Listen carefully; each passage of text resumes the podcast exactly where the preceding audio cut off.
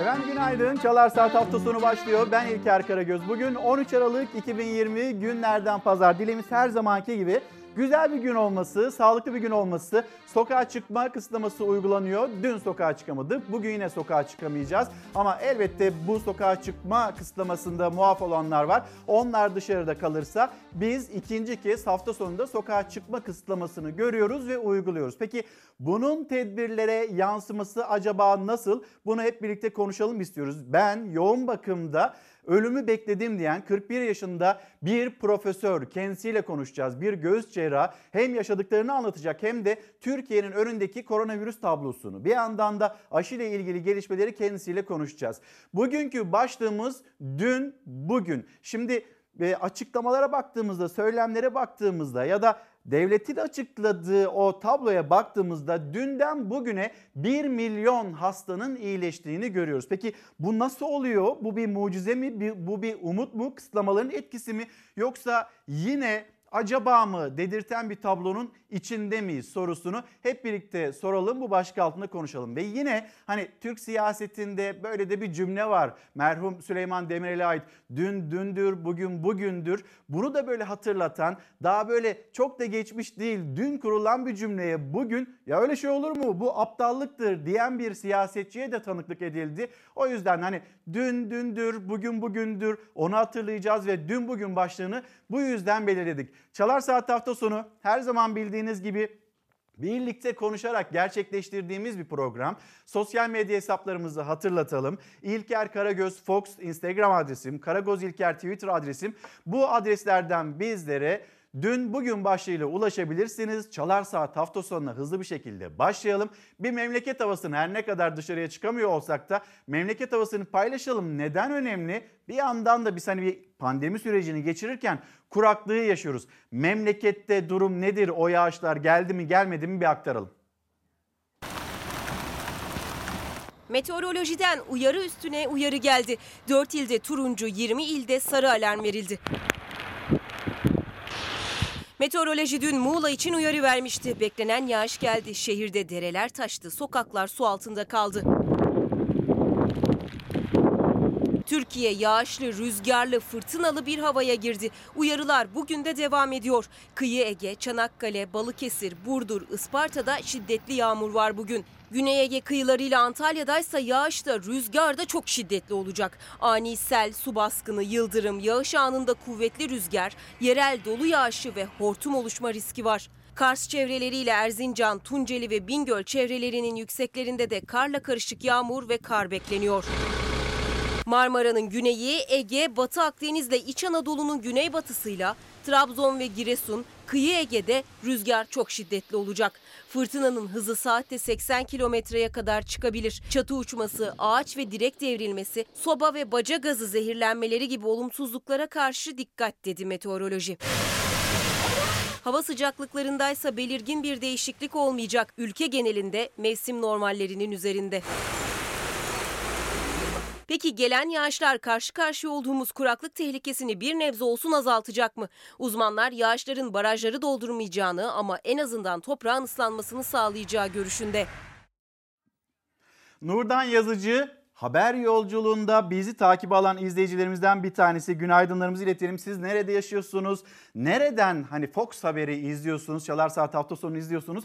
Onun da mesajlarını gönderebilirsiniz. Şöyle güzel bir şekilde günaydın diyelim birbirimize. Ve yine işte Ali Nuri Erkal, Seza Erkal günaydınlarımızı iletelim. Ankara'dan yazıyorlar. Tuğçe Orhon'a selamlarımızı iletelim. Burak Bey dün bugün başlığı altında yarın tek isteğimiz var. Sevgi, saygı, adalet mesajını göndermiş. Nazire Hanım, Nazire 25 oğlu haklısınız. Şimdi biz 65 yaş üstünü evde tutarak işte sokağa çıkma kısıtlamasıyla korumaya çalışıyoruz ama bir yandan da e, hafta içinde bu kısıtlamalar sadece 21'e kadar. Ama bir dolaşım var, kalabalıklaşma var ve o kalabalıklaşmanın sonrasında insanlar evlerine döndüğünde ki bulaşın en fazla olduğu yer evlerimiz. Yani Belki işte o restoranlar kapatıldı ya da pek çok yer kapatıldı. Kalabalıklaşma buralarda engellendi ama o dolaşım halinde olunduğunda hafta içinde eve dönüldüğünde evlerin de bir bulaş yeri, buluşma yeri, bulaş yeri olduğunu da unutmamak gerekiyor demekte ve bunu hatırlatıyor bizlere.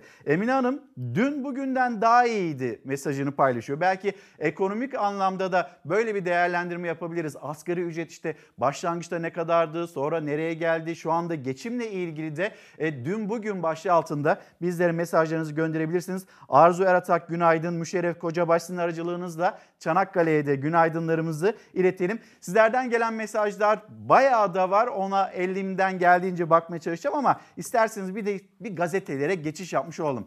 Hürriyet gazetesi İyiyiz, daha iyi olacağız manşeti Hürriyet gazetesinin. Sağlık Bakanı Fahrettin Koca günlük vakalarda İstanbul, İzmir, Kocaeli ve Ankara'da %30, %40 gerileme olduğunu açıkladı. Bilim Kurulu üyeleri Tezer'le Tevfik Özlü önümüzdeki haftalarda daha iyi haberlerin alınacağını söyledi. Yani bir anlamda bu kısıtlamaların, bu tedbirlerin işe yaradığını anlatıyor Sağlık Bakanı ve Bilim Kurulu'ndaki e, uzmanlar da önümüzdeki günlerde daha iyi sonuçlar alacağımızı düşünmekte. Bu arada hani biz Temmuz ayında bu aşı geldikten sonra maskeleri atar mıyız atmaz mıyız bununla ilgili tartışmalar da devam ediyor. Dün Profesör Doktor Esin Davutoğlu Şenol'a sorduğumuzda bunu şimdiden söylemek mümkün değil aslında. Hani çizmiş olduğu rota bu yöndeydi. Onun hatırlatmasını yapalım. Profesör Doktor Hasan Tezer'e göre İstanbul, Ankara, İzmir gibi büyük şehirlerde vakalar inişe geçti. İnişe geçti ama iyileşen hasta sayısı bir günde 1 milyon olur mu? Bunu hep birlikte konuşalım. Bundan sonra günlük vakalar daha da hızlı düşecek. Anadolu'daki artış yavaş yavaş azalacak. Tezer kısıtlamaların neticesini haftaya göreceğiz dedi. Profesör Doktor Tevfik Özü de önlemlerin ilk olarak günlük vakalarda, daha sonra hastanelere başvuruda ve son olarak ölümlerde gerilemeyi sağlayacağını söyledi. Özlü önlemlerin olumlu etkisinin yılbaşına kadar görülebileceğini söyledi. Acaba yılbaşında bir düzenleme gelir mi ve hani her türlü imkanı fırsatı bulduğumuzda iyice bir kapanma gerekliliği de dillendiriliyor. Belki yeni yılla ilgili böyle bir karar da alınabilir. Manşet iyiyiz daha iyi olacağız. İyi miyiz? Bu soruyu da sorayım ben sizlere. Gelelim Sağlık Bakanı Fahrettin Koca onun yapmış olduğu, sosyal medyadan duyurmuş olduğu o tabloyu hemen aktaralım sizlere. Tespit edilen hasta sayısı 5203. Ağır hasta sayısındaki artış hızının durağan olması sevindirici. Kısıtlamalara tam uyum ve tedbirlere riayetle mücadelemizi sürdürelim. Aşının yaygın uygulaması ve etkisinin görülmesine kadar sevdiklerimizi korumamız gerekiyor. Peki biz aşı ile ilgili hangi aşamadayız? Sağlık Bakanlığı'nın Meclis Genel Kurulu'nda bütçesi ve bu bütçeyle ilgili konuşmasında Sağlık Bakanı Fahrettin Koca yerli aşı ile ilgili de önemli mesajlar verdi. Birazdan aktaracağız. Tabloya baktığımızda iyileşen hasta sayısı 20.191 ve toplam iyileşen hasta sayısı 1 milyon 581 bin 565 olarak gerçekleşti. Ama Çağhan Kızıl onun da dikkat çektiği bir tablo var. Onu da paylaşalım sizlerle. Şimdi Çağhan Kızıl Dün bugün diyor. Yani dün iyileşen hasta sayısı ne kadardı? Bugün yani dün evvelsi gün ve dünün e, tablolarını paylaşıyor bizlerle. E, iyileşen hasta sayısına baktığımızda 458.109'dan bir anda 1 milyon 581 bin 565'e yükselişi görüyoruz. Bu nasıl oluyor? Bu bir umut mu? Bu bir mucize mi? Yoksa rakamlarda sonradan söylenebilecek olan o ifade esefben olmuş, yanlışlıkla olmuş denilecek bir durumun içinde miyiz? Bunu da sorarak isterseniz Türkiye'nin koronavirüs tablosuna bakalım. İnsanlar ölüyor. Öyle bir yol bu. Öyle bir durum bu. Öyle bir afet bu. Burada tek soru var. Ne kadar ölüme razıyız biz? Bütün mesele bu. Hayatını kaybedenlerin sayısı 7 gündür 200'ün üstünde. Son 24 saatte 222 kişi daha hayatını kaybetti.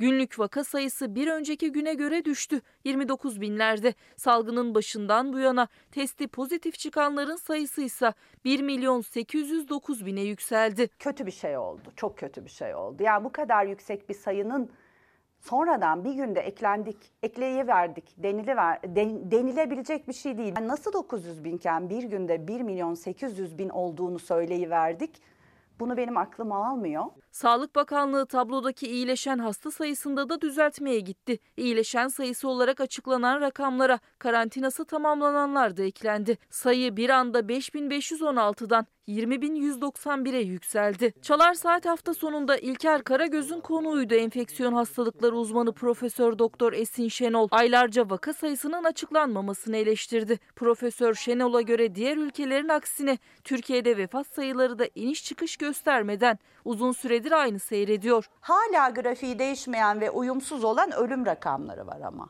Düz çizgi çiziyor Bu bizim oluyor? ölüm rakamlarımız. Zannederim burada da bir sayısında. düzeltme gelecek. Şu anda bu konuyla ilgili veri isteyenlere de istemeyin, ayıp ediyorsunuz çıkışları geliyor ama e, bunu görmek zorundayız. Neden görmek zorundayız? E, hastanelerin, yoğun bakımların ne kadar yettiğini anlamak için. Hayata geçirdiğimiz tedbirlerle salgının artış hızını kestik.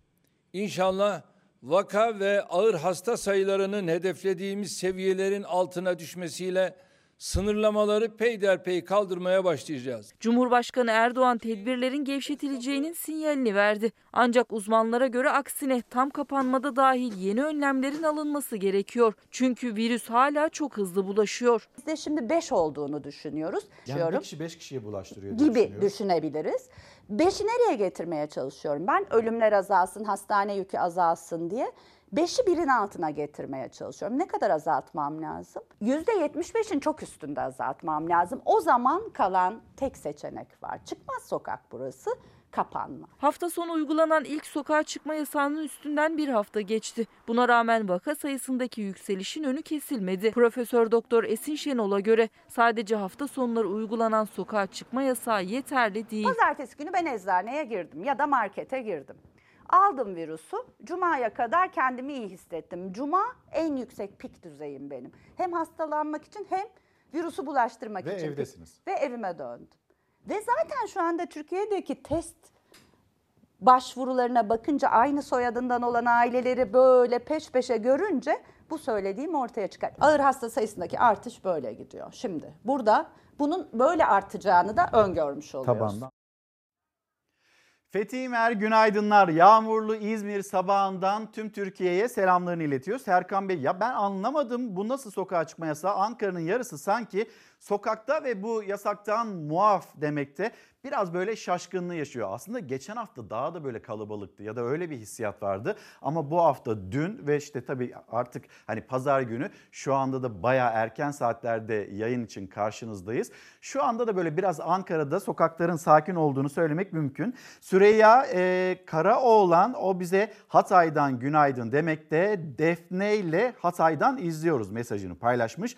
Demet Hanım Samsun'dan yazıyor ve diyor ki lütfen zorunlu olmadıkça evlerinizden çıkmayın. Bizler sizlerin sağlığı için ve sağlık çalışanları olarak yanınızda olmaya devam edeceğiz. Çok sağ olun sağlık çalışanlarına bir kez daha minnetlerimizi sunmamız gerekiyor. İbrahim Oku- Okuyucu da İstanbul Büyükçekmece Mimarova'dan günaydın diyor. Celal İşgenç selamlarımızı iletelim. Cumali e, Işık onlar da haber takibinde bizimle birlikte.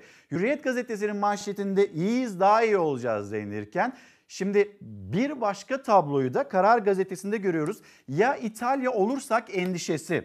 Yoğun bakımlarda uçurumun kenarındayız. Yani İstanbul'da, Ankara'da, İzmir'de bazı illerde %30, %40 seviyesinde iyileşme ya da vaka sayısında azalma görüyoruz, gözlemliyoruz ama yoğun bakımların ne kadar bir e, doluluk içinde olduğunu da belki aktarmak gerekiyor. Türkiye'de erişkin yoğun bakım doluluk oranının %72.1 seviyesinde olduğunu söyleyelim. Yani %28'lik pay onlar diğer hastalıklar için ayrılmış olanlar. Yani aslında Türkiye'de yoğun bakımlar alarm veriyor ve yoğun bakımlardaki doluluğun biz %100 seviyesine çok yakın olduğunu söylememiz gerekiyor. Hastalandınız, yoğun bakıma gitmek istiyorsunuz. E, dün de konuştuk. Yine pek çok uzmandan gelen açıklamalar da bu yönde. Yoğun bakımlarda yer yok. Hastanelerin koridorları, hastanelerin yemekhaneleri e, ya da servislerinin yoğun bakıma dönüştürüldüğünü bir kez daha hatırlatmış oldum. Ve yine 41 yaşında bir profesör, göğüs cerrahı, kendisi mücadele sü- sürecinde koronavirüse yakalandı ve bu koronavirüse yakalandıktan sonra yoğun bakıma alındı. Ben yoğun bakımda ölümü bekledim diyen bir profesör az sonra neler yaşadığını Çalar Saat hafta sonunda bizlerle paylaşacak. Gelelim haberin içeriğine. Toplam vaka sayısında hani iyiye gidiyoruz, güzel cümleler kuruluyor. Belki maskeleri Temmuz ayında atarız bile hani bu cümleler kuruluyor ama şu anda yaşadığımızda yani bugün yaşadığımıza aslında bir bakmamız gerekiyor. Toplam vaka sayısında dünya sıralamasında Türkiye 8. sırada ve yeni vaka sayısında da Türkiye'nin ilk 3'te Amerika Birleşik Devletleri Brezilya'dan sonra ilk 3'te olduğunu söyleyelim. Günlük vaka sayısı kısıtlı önlemler karşısında 30 bin bandında kaldı. Bakan Koca 24 saatlik tanıda İstanbul'da %30, Ankara'da ise %40'lık düşüş olduğunu açıkladı. Yalnız önceki güne yapılan test sayısının da düşük olduğunu belki söylemek gerekiyor. Karar Gazetesi de bu uyarıyı hatırlatarak e, okuyucuların karşısına çıktı. İsterseniz şimdi bu sokağa çıkma yasağı, sokağa çıkma yasakları ile ilgili e, biz nerede duracağız, nasıl bir tavır sergilememiz gerekiyor? Hem evimizdeki büyüklerimiz için hem çocuklarımız için hem toplumun sağlığı ile ilgili bunu bir hatırlatalım. Dün acaba sokağa çıkma yasaklarına ne kadar uyuldu ve bir de sokağa çıkma yasağını delmek için ya da bu pandemi sürecinin o önemli kurallarına uymamak için neler neler yapılmış bunun haberi. Rentekar denilen kısım boş dükkan. Daha sonra duvar kırılmış. Perdeyi açıyorsun. Balıkçı olan iş yerine giriyorsun. Balıkçı iş yerinde çay ocağı var. Duvarı deldiler, gizli kaçış kapısı bile yaptılar. Yine de polisten kaçamadılar. Kapa, lavaboyu açtığın zaman direkt dışarıya açılan bir kapı. Balıkçıdan merdivene yukarı çıktığımız zaman kahvene olan bölüm. Yükselişe geçen ağır hasta sayıları artan ölümler sonrası hafta sonu sokağa çıkma kısıtlamalarına geri dönüldü. Denetimler artırıldı. Birçok ilde yasaklara uyulsa da kuralları hiçe sayanlar da vardı.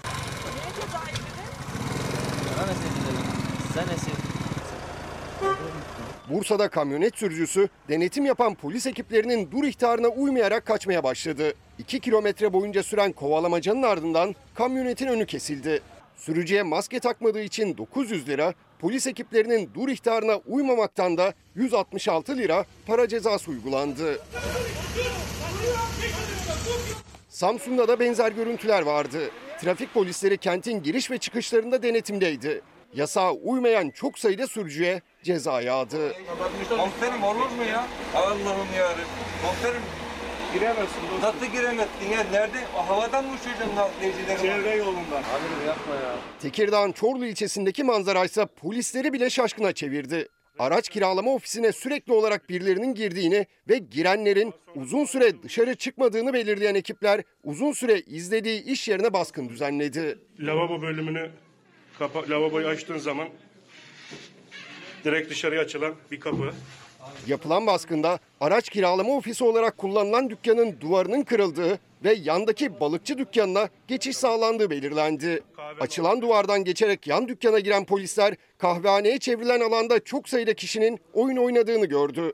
Baskın sırasında gizli bölümden kaçmak isteyen bir kişi 3,5 metre yükseklikten düşerek yaralandı. Kaçarken düşmüş bir şahıs.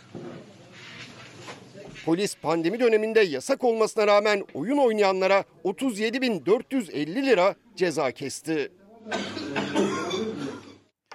Bu virüsü kapmak için aslında ne kadar büyük mücadele vermişler. Orada yani duvarları yıkıp duvarları delip kendilerine bir alan yaratmaya çalışmışlar. Kaçanlar var onlar yaralanmış. Polisin baskın sonrasında bu görüntüler ortaya çıkıyor.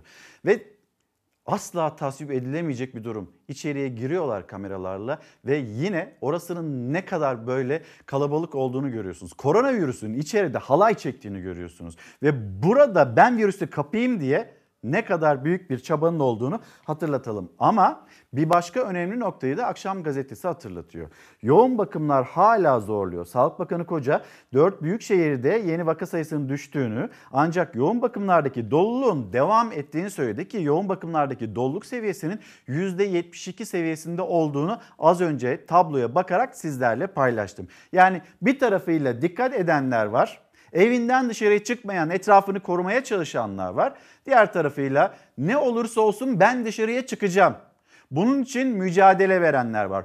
Duvarları yıkacağım, bir araya geleceğim. Kalabalıklaşma olmaması gereken bir zamanda biz o kalabalıkta buluşacağız. Arkadaşlarımızla kucaklaşacağız diyen ve buradaki toplumdaki insanları ne kadar sıkıntıya soktuğunun hiç ama hiç umurunda ve farkında olmayan insanlar var. Ve bir mesaj Devlet okullarında anaokulları ve buna benzer yerler kapanırken özel kreşler açık. Buradaki çocuk ve ailelere bulaşmıyor mu? Yani Milliyetin Bakanlığı'na e, dahil olan, bağlı olan kreşler bunlar kapalı. Aile Bakanlığı'na dahil olanlar onlar açık. E, buraya da çocuklar gidiyor. Buralarda e, burasının da bir bulaş yeri olduğu unutuluyor herhalde. Burada da yine virüs kapılabilir. Bunun uyarısını yapıyor izleyicimiz ve e, aynı zamanda da bazı kurumlarda hala esnek mesaiye geçilmediğinin hatırlatmasını yapıyor. Şimdi bir aşı var.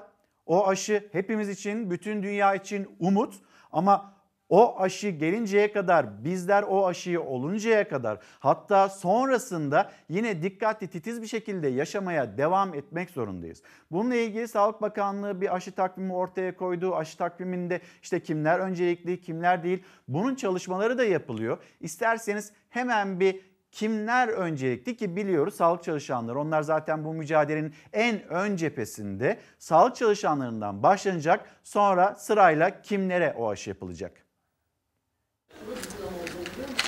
Aşı çalışmalarında Türkiye birçok gelişmiş ülke gibi kaynaklarını seferber etmiş durumdadır. Avrupa ülkelerinin haftalar önce açıkladığı aşılama takvimi Türkiye'de de netleşmeye başladı. Gözler 25 Aralık'a çevrildi. 10 milyon doz Çin aşısının önümüzdeki hafta gelmesi, 10 günlük test sürecinden sonra 25 Aralık'ta uygulanmaya başlaması bekleniyor. Hedef günde 450 bin kişi yani Çin'den gelen ilk parti aşı bir aydan kısa sürede uygulanacak. Hem inaktif aşılar hem de mRNA aşıları için görüşmelerimiz devam ediyor. 10 milyon doz aşı 5 milyon kişiye yetecek. Türkiye'nin nüfusuysa bunun 17 katı kadar. Uluslararası Aşı Sempozyumunda konuşan Sağlık Bakanı Fahrettin Koca da görüşmelerin devam ettiğini açıkladı. En çok merak edilense aşı da yol haritasıydı. İl ve ilçelere göre aşının nasıl dağıtılacağına dair plan hazırlıyor Sağlık Bakanlığı. 1403 soğuk zincir, 15'te soğuk hava deposu kullanılacak.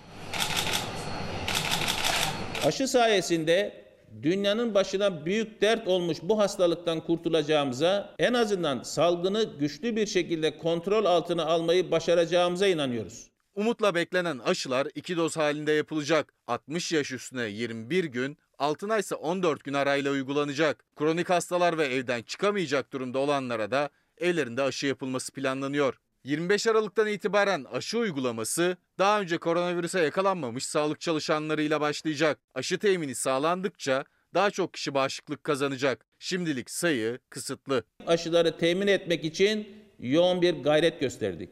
Hala da görüşmelerimiz devam ediyor. Yasaklı günlerde gözümüz kulağımız sizlerde biraz iyi haber verin desem boşuna mı hiç güzel haber yok mu acaba diye sormakta bir izleyicimiz.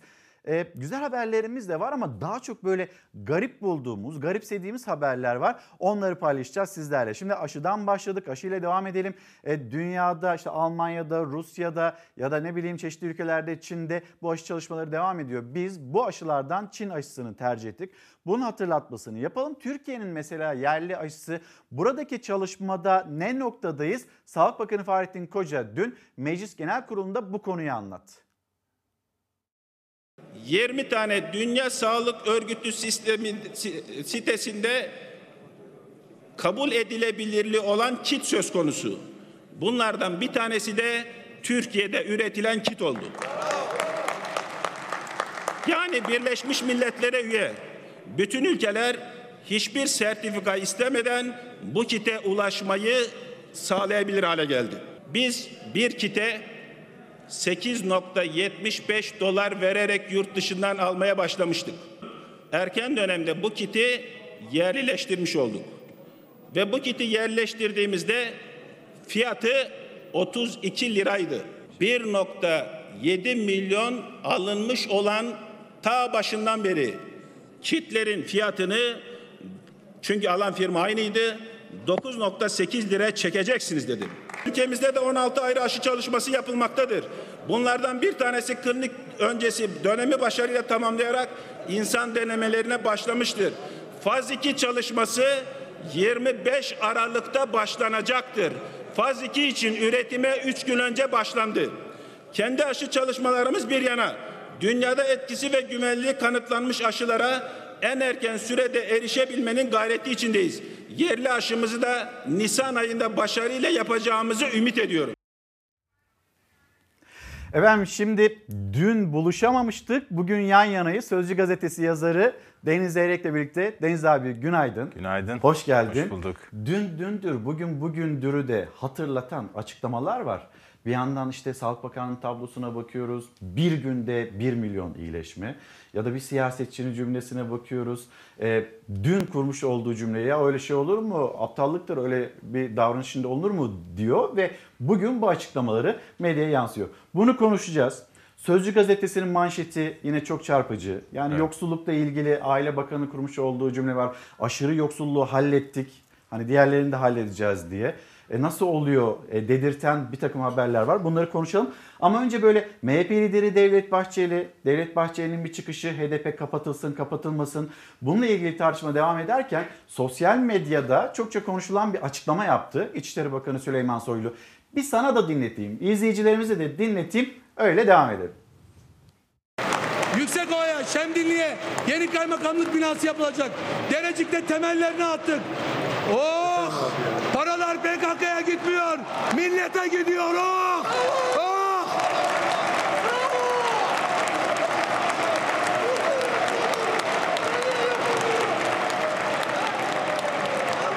Not alın not. Not alın.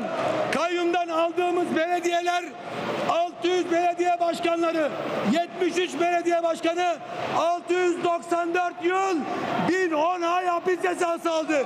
Bu da size kapak olsun. Bizim yaptığımız sadece terörle mücadele değildir. Bu aslında emperyalizmin bütün kollarıyla mücadeledir. Bu bir kalkınma mücadelesidir. Bu mücadeleyi gelişi güzel yapmadık. Bu mücadelede üç saç ayağımız var. Birisi halkın huzur ve mutluluğu. İkincisi yatırım, refah ve kalkınma. Üçüncüsü de orada yaşayan insanlara güvenilir ve gelecek duygusudur. Deniz abi biliyorum hani cümlelerin bu tür tartışmaların içinde yoğunlaşmasını istemiyorsun. Daha fazla hani vatandaş ne yaşıyor bunu anlatmak Evet. istiyorsun. Ama bu da bir vaka. Hani bunu da yaşıyoruz. Mecliste, genel kuruldaki o gerginlik ya da HDP'nin kapatılmasıyla ilgili kurulan cümleler. Ne dersin? Şimdi iki şeyi ayırmak lazım. Biri terör, biri siyaset. Eğer terörle siyasetin yolları kesişirse e, orada da siyaset kirlenmiş olur. HDP'ye ben yıllardır HDP ile ilgili konuşurken bunu söylüyorum. HDP'nin yapması gereken en doğru şey terörle yollarını ayırmak, terörle arasına kalın bir çizgi çekmek. Yani e, iddia ortada. PKK ile ilişkilisiniz, işbirliği yapıyorsunuz. Sizin e, listelere girmenizi bile onlar belirliyor gibi bir söylem var. Bunu boşa çıkarmaları lazım. Neyle çıkarmaları lazım? İcraatlarıyla çıkarmaları lazım. Bu işin birinci boyutu. İkinci boyutu ise kayyum meselesi. E, ben doğru bulmuyorum. Yani ne yaparsan yap, ister bina yap, ister bir şey yap, ba- başka bir şey yap. E, halkın seçtiği insanların yönetmesi lazım.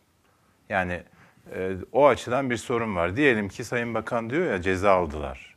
E, tamam cezaları aldı kesinleştiyse onları tutukladınız, hüküm de giydiler. Yerlerine meclislerde yenileri seçilsin. Madem onların durumu netleşti, yenilerini seçin, yenileriyle gidin. Yani ben e, işin tabii bir de şöyle bir boyutu var. Yani belediye başkanlarının sahip olmadığı olanaklara kayyumlar sahip oluyorlar. Bir de böyle bir boyutu var. Ee, biraz da e, Kars'ta doğup büyümüş biri olarak, şu anda kayyumla yönetilen bir şehirde doğup büyümüş biri olarak, e, ben hemşerilerimin verdiği oyun e, karşılıksız kalmasını çok doğru bulmam yani. Sayın Bakan çok iyi bir hatip. Yani mecliste uzun zamandır böyle bir konuşma görmemiştim ben. Yani Kılıçdaroğlu işte geçen hafta çok güzel bir konuşma yapmıştı. Onu da işte aday olacak mısın, olmayacak mısın da Onu da konuşalım mı Deniz abi? söylediği bir cüm şey bir, bir- iki kelimenin üstünden e, duyulmaz hale getirdiler. Yani ilkisel bir tavır var aslında CHP liderinde.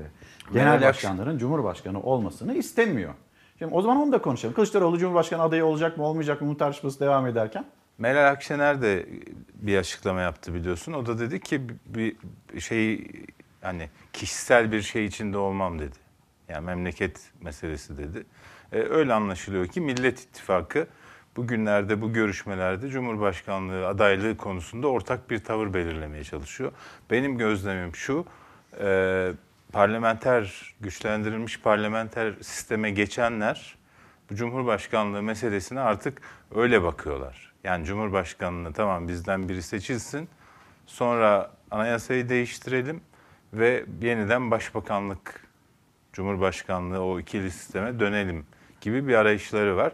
Hatta benim iddiam e, Kılıçdaroğlu yeni hani eski, e, güçlendirilmiş parlamenter sisteme dönüldükten sonra başbakan olma gibi bir niyeti var. Ben onu e, Ve anlıyorum. şu da konuşuluyor hatta sen de söyledin. Millet İttifakı'nın bugün bakıldığında bir başbakan, bir cumhurbaşkanı çıkarma ihtimalinden de söz ediliyor. Öyle mesela Meral Akşener diyelim Cumhurbaşkanı seçildi. Anayasa değişikliği yapılır. Seçimden sonra mecliste yeterince çoğunluk elde ederlerse. Anayasa değişikliğinden sonra da yani belki referanduma gidilir, belki yeniden bir seçim yapılır. Ee, ona göre de bir yani yeni bir başbakan belirlenir. Ama ortada şöyle bir tablo da çıktı. Artık muhalefet bloğu iktidar bloğundan daha büyük. Yani iktidar bloku en iyi gösteren anketlerde bile yüzde 46 civarında. Ee, onun için hani önümüzdeki dönem biraz öyle tasarlıyorlar. Kılıçdaroğlu e, gerçekten mesela o konuşma, meclisteki konuşması çok vurucuydu. Ben 10 senedir, 2010'dan bu yana kendisinden dinlediğim en etkili konuşmaydı. Fakat keşke cevap vermeseydi hani aday ol, aday ol, hani kim demiş olmayacağımı dedi ya. O, onun üzerinden başka bir gündem yaratıldı. E, halbuki o işte bizim de burada sürekli konuştuğumuz yoksulluk, işte ekonomik ekonomik sorunlar vesaire onlara çok çarpıcı örneklerle değinmişti. Kapatalım mı siyaset başlığını? Olur. Kapatalım gitsin abi. Şimdi sen de mi sıkıldın? Ya abi herkes sıkıldı. Yani burada izleyicim ben izleyicilerimize sorayım mesela. Yani siyasetin o tartışmaları mı sizin gündeminiz yoksa ekonomi, evinizdeki durum ya da işte kendi bütçeniz, mutfağınızdaki durum mu daha geçerli sizin için? Özellikle dikkat ettiğiniz ya da dikkat çektiğiniz konular bunlar mı? Onu da sormuş olayım. Bu arada da yönetmenimiz Hilal'den bir rica edeyim. Bir Gün Gazetesi, Bir Gün Gazetesi'nin ikinci e, seçtiğimiz haberi. Artık herkes yoksul. Yoksulluğun artık sorun olmadığını iddia eden Aile Bakanı Selçuk bu rakamlar yalanlıyor. Meclisteki bütçe görüşmelerinde bir eline iş, diğer eline aş yazarak yaşamına son veren yurttaşa yönelik soruları görmezden gelen Aile ve Çalışma Bakanı, Sosyal e, Aile ve Çalışma Sosyal Hizmetler Bakanı Zehra Zümrüt Selçuk, Türkiye'de yoksulluk özellikle aşırı yoksulluk sorun olmaktan kalktı dedi. Ancak Gerçekler Bakanı yalanlıyor. Ücretlilerin 3.3 milyonu asgari ücretin altında çalışıyor. 1 milyona yakın kişi ise asgari ücretin yarısından da az parayla geçinmeye çalışıyor. Öte yandan açlık ve yoksulluk sınırıyla asgari ücret arasındaki uçurum büyüyor. Bu yıl icralık dosyalara 5 milyon 924 bin yenisi eklendi. Şimdi bu bilgiyi aktardıktan sonra Sayın Bakan'ın mecliste yapmış olduğu o açıklamaları paylaşalım sizlerle. Sonra hani yoksulluk meselesi özellikle aşırı yoksulluk meselesini biz hallettik mi halletmedik mi? Sözcü gazetesinde de çarpıcı rakamlar var Saygı Öztürk'ten.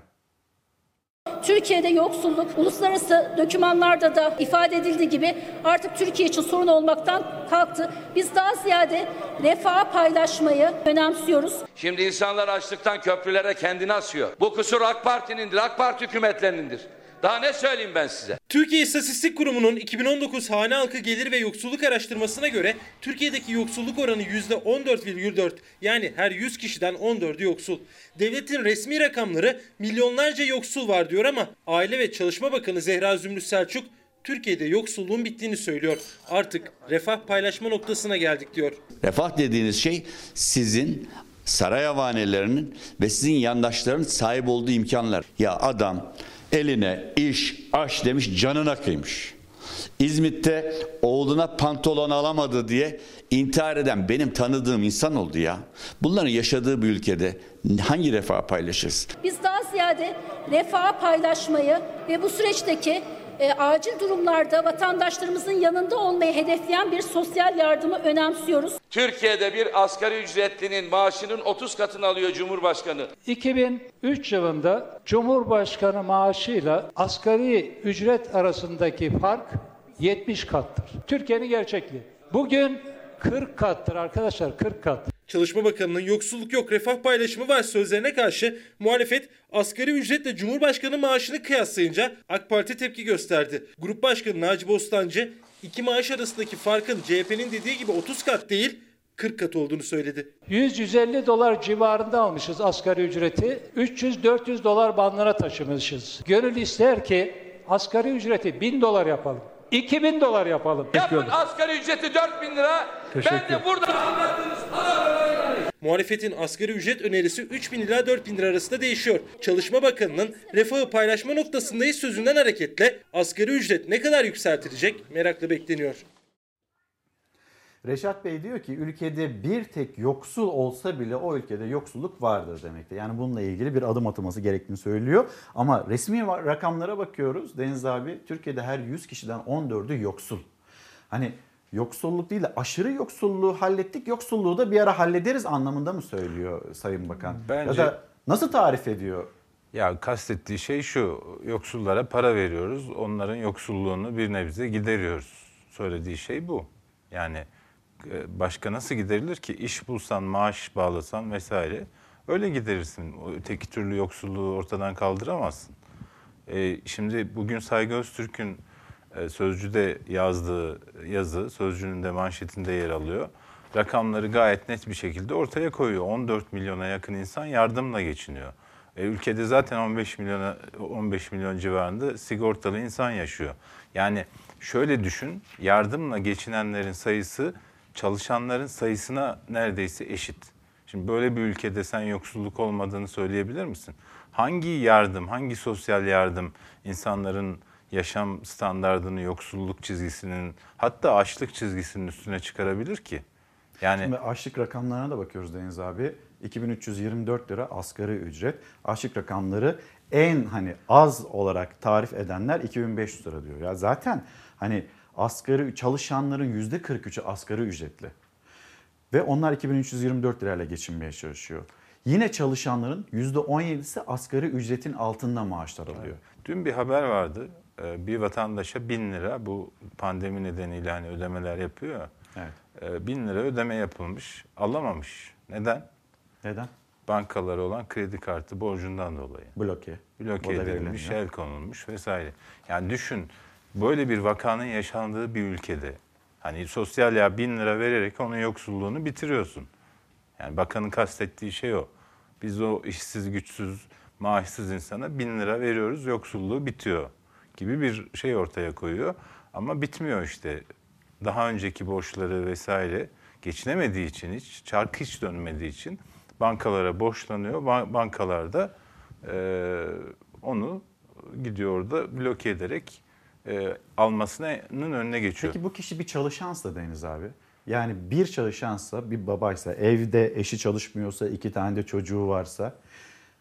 Hani ya bu, bunu nasıl söyleyeceğiz? Yoksulluk rakamları. Şimdi aşık rakamları farklı. Yoksulluk rakamları hani biraz daha yukarıda açıklanıyor. ya, O da 7 bin liranın üzerinde. Yani yoksulluğun nasıl Tabii, tabii. tanımlandığının da bir artık Ya somut olarak ortaya düşün, konulması İlker, lazım. Geçen yani bu restoranların vesaire kapanmasından sonra 2 milyon kişi işsiz kaldı. Doğru. Yani dün işte sosyal medyada dolaştı bir müzisyen. Yani dinliyorsun ya senfoni orkestrası seviyesinde şey çalıyor. e, keman çalıyor. Yani diyorsun ki bu insanın e, sokakta ne işi var? E, işi olmadığı için sokakta bunu bunu yapmak zorunda kalıyor. Yani müzisyenler mesela, şarkıcılar, bu tür e, mekanlarda çıkıp şarkı söyleyen işte e, Arkalarındaki orkestra. Ha, enstrüman çalanlar vesaire. Bunlar aylardır neyle yaşıyor? Hiç kimse düşündü mü? Yani işte e, bu kafe mafe meseleleri hep şey oldu biliyor musun? İşsizler için bir e, çıkış yolu oldu. Bu özellikle KHK'lar vesaire E, o dönemden sonra üçüncü nesil kahveciler falan çoğalmaya başladı. Şimdi onlar da kapalı. Yani bu kadar büyük bir çaresizlik dayatılmış insanlara. E, devletin imkanları da yok. Mesela kredi veriyor. Diyor ki esnafım tamam kapatsın gelsin bankada kredisi hazır. E, neyle ödeyecek? Bir önceki kapanmada alınan krediler şimdi ödenecekti. Onu neyle ödeyecek? Bir geliri yok ki. Bak mesela vergi Kredi değil zaten hibe vergi istiyorlar. onlar. e, yapılandırması oldu. Ocak'ta yeniden ödenmeye başlanacak. E, bu bunlar neyle ödeyecekler? E, böyle bu koşullar altında da çıkıp Sayın Bakan'ın e, Türkiye'de yoksulluğu biz yendik demesi kusura bakmasın gerçeği yansıtmıyor. Bu cümlelerin de aslında karşılığı yok. Bir Sözcü bu- gazetesinin bunu haberine- söyleyecek en son insan da Sayın Çalışma Bakanı. Çünkü e, o insanlara o yardımları onlar dağıtıyor. Yani şunu düşünmesi lazım. Ben ne kadar çok yardım dağıtıyorsam bu ülkede o kadar çok yoksul vardır diye düşünmesi lazım. Yoksulluğun belini kırdık falan demek mantıklı değil yani. Sözcü gazetesinin manşetini de hemen aktaralım sizlere. Milyonlar geçinemiyor, devlet yardımına muhtaç yaşıyor. Cumhuriyet tarihinin en acı rekoru. Vatandaşın hali perişan. Yaklaşık 15 15 milyon kişi gıdadan kömüre, eğitimden sağlığa kadar 44 farklı yardımla ayakta kalmaya çalışıyor. Ya Bir değil, iki değil, üç değil, 10 değil, 20 değil, 30 değil. 44 ayrı yardımla insanlar hayatta ve ayakta kalmaya çalışıyorlar. Ama sonrasında duymuş oldukları cümle ya ne yoksulluğu biz yoksulluğu hallettik artık biz refah paylaşıyoruz şeklinde olunca bu cümlelerin de bir karşılığı olmuyor. Görmüş olduğunuz gibi esnaflar olarak kepenklerimiz kapalı. Eve kimse bir şey alamıyor. Biz hep senin yanına yaklaşamıyoruz. Geçim zor. Asgari ücretli içinde, hiçbir geliri olmayan her kesimden vatandaş içinde. İstatistikler de bunu doğruluyor. Sözcü gazetesi yazarı Saygı Öztürk'ün haberine göre Türkiye'de 15 milyon kişi sosyal destek yardımlarıyla ayakta duruyor. %100 zam var. Enflasyon hep düşük. Nasıl oluyor bu iş? Yaşlı ve engelli aylığı, gıda ve kömür yardımı en çok bilinen sosyal desteklerden. TÜİK Sosyal Koruma İstatistiklerine göre 2018'de 14 milyon 389 bin kişiye toplam olarak 442.6 milyar lira sosyal yardım harcaması yapıldı. Bu rakam 2019 yılında 15 milyona yükseldi. 15 milyon kişiye karşılık gelen hane sayısı 2 milyon 500 bin. Bu da açlık ve yoksulluk sınırında ya da altında yaşayan milyonlarca insan demek. İmkanı olmayanlar için çok zor yani pazar istediğini alıp hepsini eve götürebilmek. Habere göre en çok genel sağlık sigortası yardımı alıyor ihtiyaç sahipleri. İkinci sırada eğitim geliyor. Onu sosyal kömür, sağlık ve muhtaçlık yardımları takip ediyor. Bu ay alıyoruz mesela 5 liraya dersi kay gidiyoruz olmuş 7 lira 7,5 lira. Yani bu her ay her ay her ay her ay her ay biniyor üstüne. Deniz abi şimdi dün dündür, bugün bugündür açıklamasına geldik bir siyasetçinin. Rahmetli Demirel'i de analım biliyorsun. O, Analım, o evet. kullanıyordu bunu. Allah rahmet eylesin. Şimdi haberi bizi izleyelim de konuşalım. Ben çünkü metronun doğru bir proje olduğuna inanmıyorum ki. Bizim grup da inanmıyor. Herkes inanmıyor. 2019 yılında yatırım programını alan Sayın Cumhurbaşkanı. Metroya karşı olmak aptallıktır. AK Partili başkan önce metro projesine inanmıyorum dedi. Ardından Cumhurbaşkanı Erdoğan'ın inandığını duyunca 3 gün sonra bambaşka konuştu. Metro en ucuz, en konfor, konforlu bir ulaşım aracıdır. Metroya karşı olmak aptallıktır. Yani bu uçağa binmemek gibi bir şeydir. Mersin Büyükşehir Belediye Başkanı Vahap Seçer, belediye meclis üyelerinden metro projesinin de içinde olduğu 250 milyon liralık borçlanma için ona istedi. Ben ne yapacağım para ihtiyacım olmayan parayı niye ben isteyip durayım? Ne yapacağım? Ne yapacağım bana söyler misiniz? Yani balya balya masanın üstüne koyacağız belediyenin odasında oturup izleyecek miyiz? Bak ne güzel paramız var. Belediye meclis toplantısında AK Partili ve MHP'li üyeler metro projesine karşı çıktı. Talep reddedildi. Ancak AK Partili Akdeniz Belediye Başkanı Mustafa Gültak bir adım daha ileriye gitti. Ben çünkü metronun doğru bir proje olduğuna inanmıyorum ki. Bizim grup da inanmıyor. Herkes inanmıyor. Mersin Büyükşehir Belediye Başkanı Vahap Seçer, Gültak'a projeyi Cumhurbaşkanı Erdoğan'ın desteklediğini hatırlattı. Şikayetini Cumhurbaşkanı'na da iletmesini tavsiye etti. Bu projeyi eleştiren Sayın Gültak eleştirecek birini arıyorsa bir, Ulaştırma Bakanı'nı arayacak. Raylı Sistemler Daire Başkanı'ndan bunun onayı almış. İki, Sayın Cumhurbaşkanı'nı arayacak. 2019 yılında yatırım programını alan Sayın Cumhurbaşkanı. Bu hatırlatmanın ardından AK Partili Mustafa Gültak 3 gün sonra bir kez daha kameraların karşısındaydı.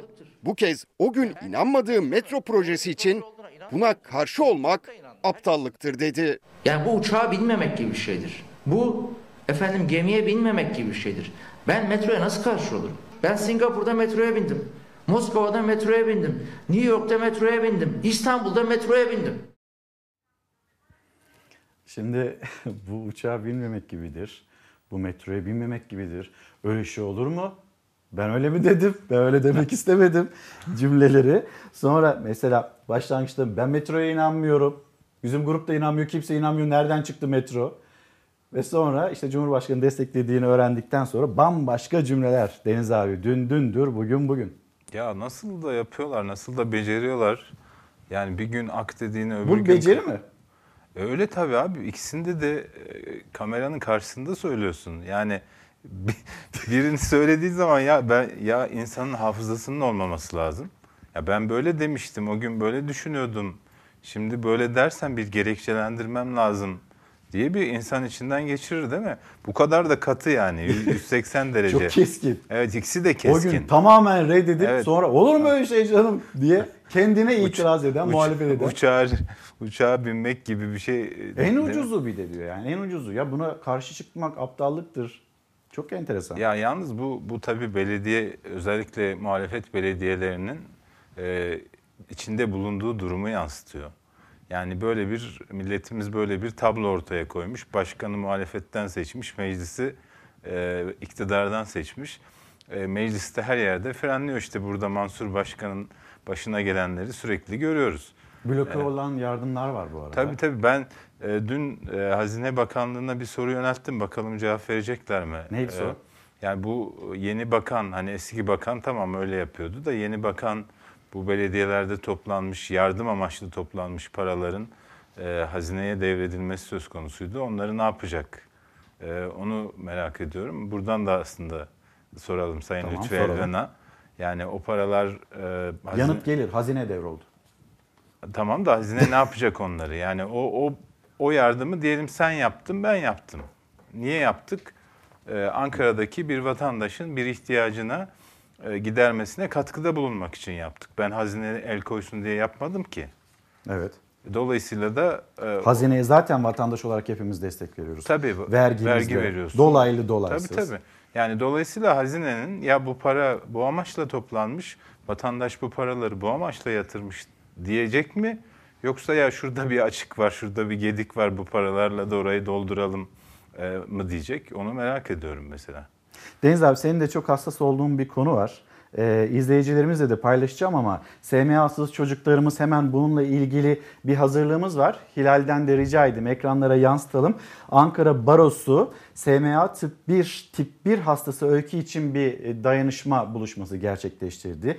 Bir yandan da işte e, Çanakkale'de bir bebeğimiz, bir çocuğumuz var. Bana nefes olur musunuz diyen e, Ahmet Alp'in Yine o fotoğraflarını da gösterelim. Ee, insanlar aslında burada ciddi bir çaresizlik yaşanıyor. Yani e, verginizi veriyorsunuz, ödüyorsunuz ve sosyal bir devletten söz ederken diğer tarafıyla da devleti yanınızda görmek istiyorsunuz. Çocuklarınız gözlerinizin önünde eridiğinde büyük bir çaresizliği yaşarken ve bu tedavinin de ne kadar masraflı olduğunu görürken, bilirken e, bir takım yardım kampanyalarıyla evlatlarınızı yaşatmaya çalışıyorsunuz. O iki evladımızı da yine göstermiş oldum Ahmet Alp ve e, Öykü. Onlar yardım bekliyorlar. Şimdi Deniz abi belki hani e, Ankara Barosu öykü için devreye girmiş, Ahmet Alp için Çanakkale'de e, bu çocuğumuz, Çanakkale'nin iş insanları devreye girecektir. Onlarla ilgili ya da onları yaşatabilmek için adımlar atacaklardır. Mutlaka atacaklardır Doğru. ama biz hani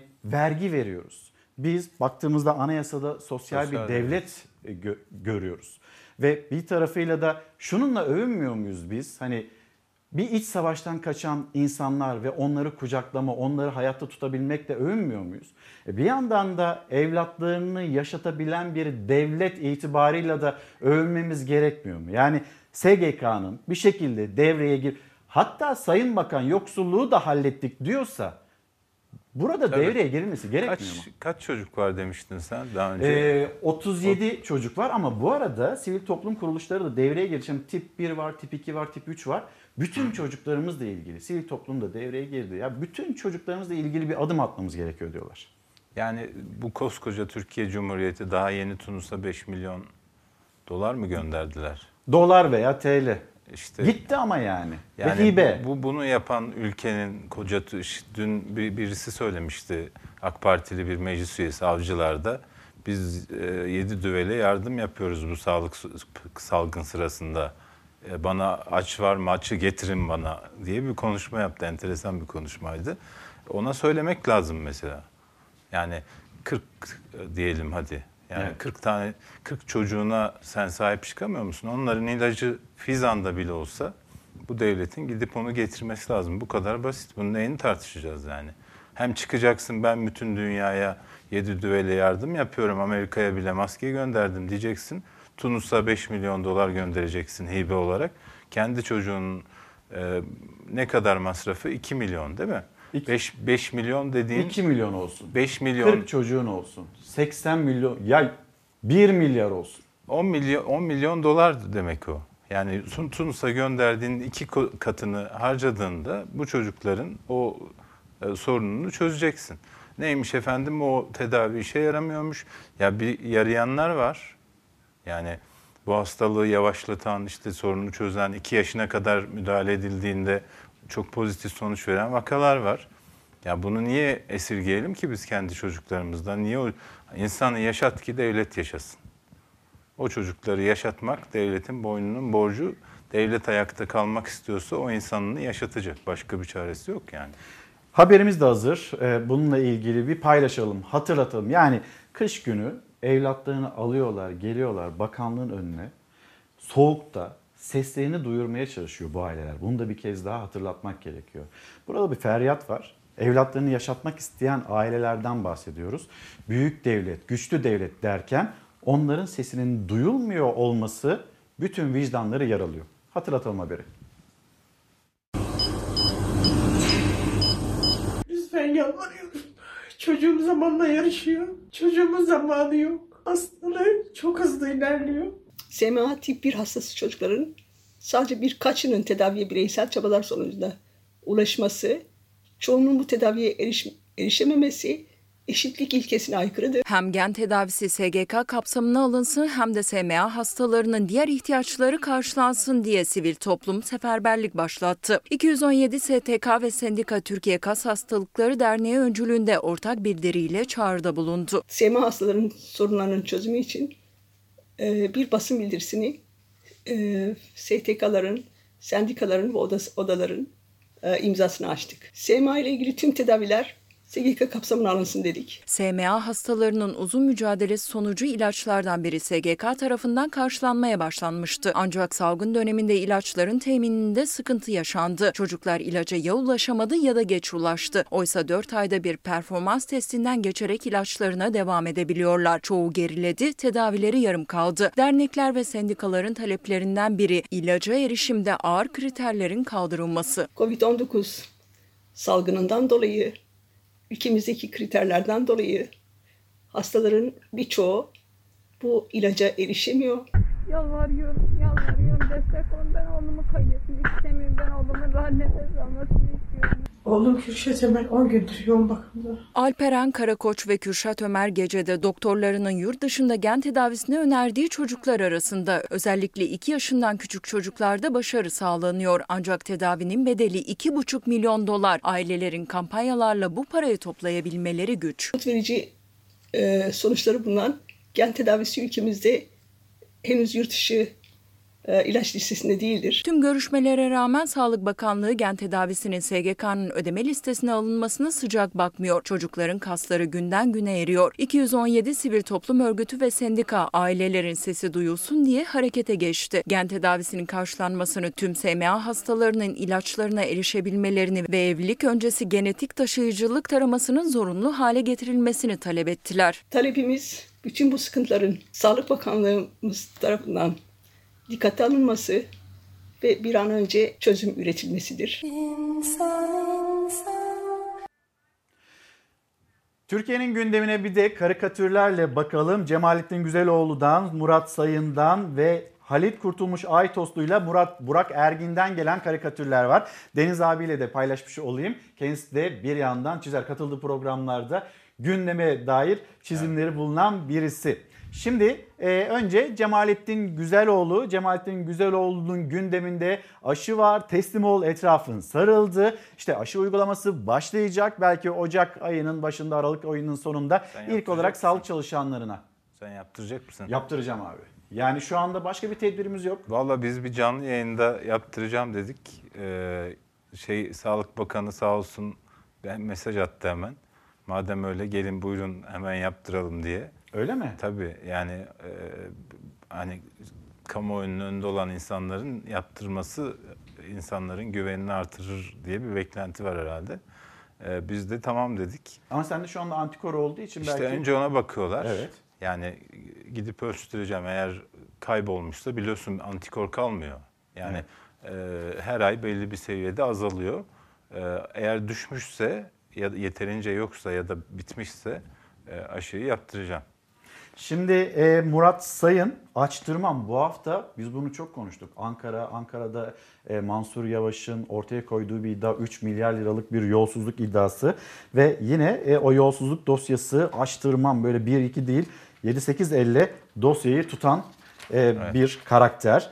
Halit Kurtulmuş Aytoslu karikatürlerin medyada yaşadığı problemi anlatıyor ya da gazetelerden uzaklaştırılmasını anlatıyor. Ve e, Burak Ergin de deli deli kulakları küpeli şu anki halimizi anlatıyor. Son bir cümle Deniz abi. Evet. Ee, Güzel oldu. tamam. Yani karikatür o kadar çok şey anlatıyor ki bir karikatürde böyle 5 sayfayı zor anlatırsın yani. Şey 5 sayfayla zor anlatırsın yani. Deniz abi çok teşekkür ederim. Sözcü gazetesi yazarı Deniz Zeyrek'le konuştuk. Bir mola vereceğiz. Bir kez daha hatırlatmasını yapayım. Virüsü kapan, yoğun bakımda ben ölümü bekledim diyen bir doktor. Az sonra ekranlarınızda olacak bir göğüs cerrahı. Moladan sonra buluşalım efendim. Efendim bir kez daha günaydın. Çalar Saat hafta sonu devam ediyor. Az sonra sizleri doktorumuzla buluşturacağız. Ama önce hani bütün dünyaya umut olan o aşı ile ilgili haberleri paylaşalım. Dünya ne durumda? Bugün ulusumuz sağlık alanında bir mucizeye imza attı. Sadece 9 ay içinde güvenli ve etkili aşıyı geliştirdik. Amerika Birleşik Devletleri'nde Türk bilim insanları ve Amerikan firmasının geliştirdiği aşıya onay verildi. Müjdeyi Başkan Donald Trump duyurdu.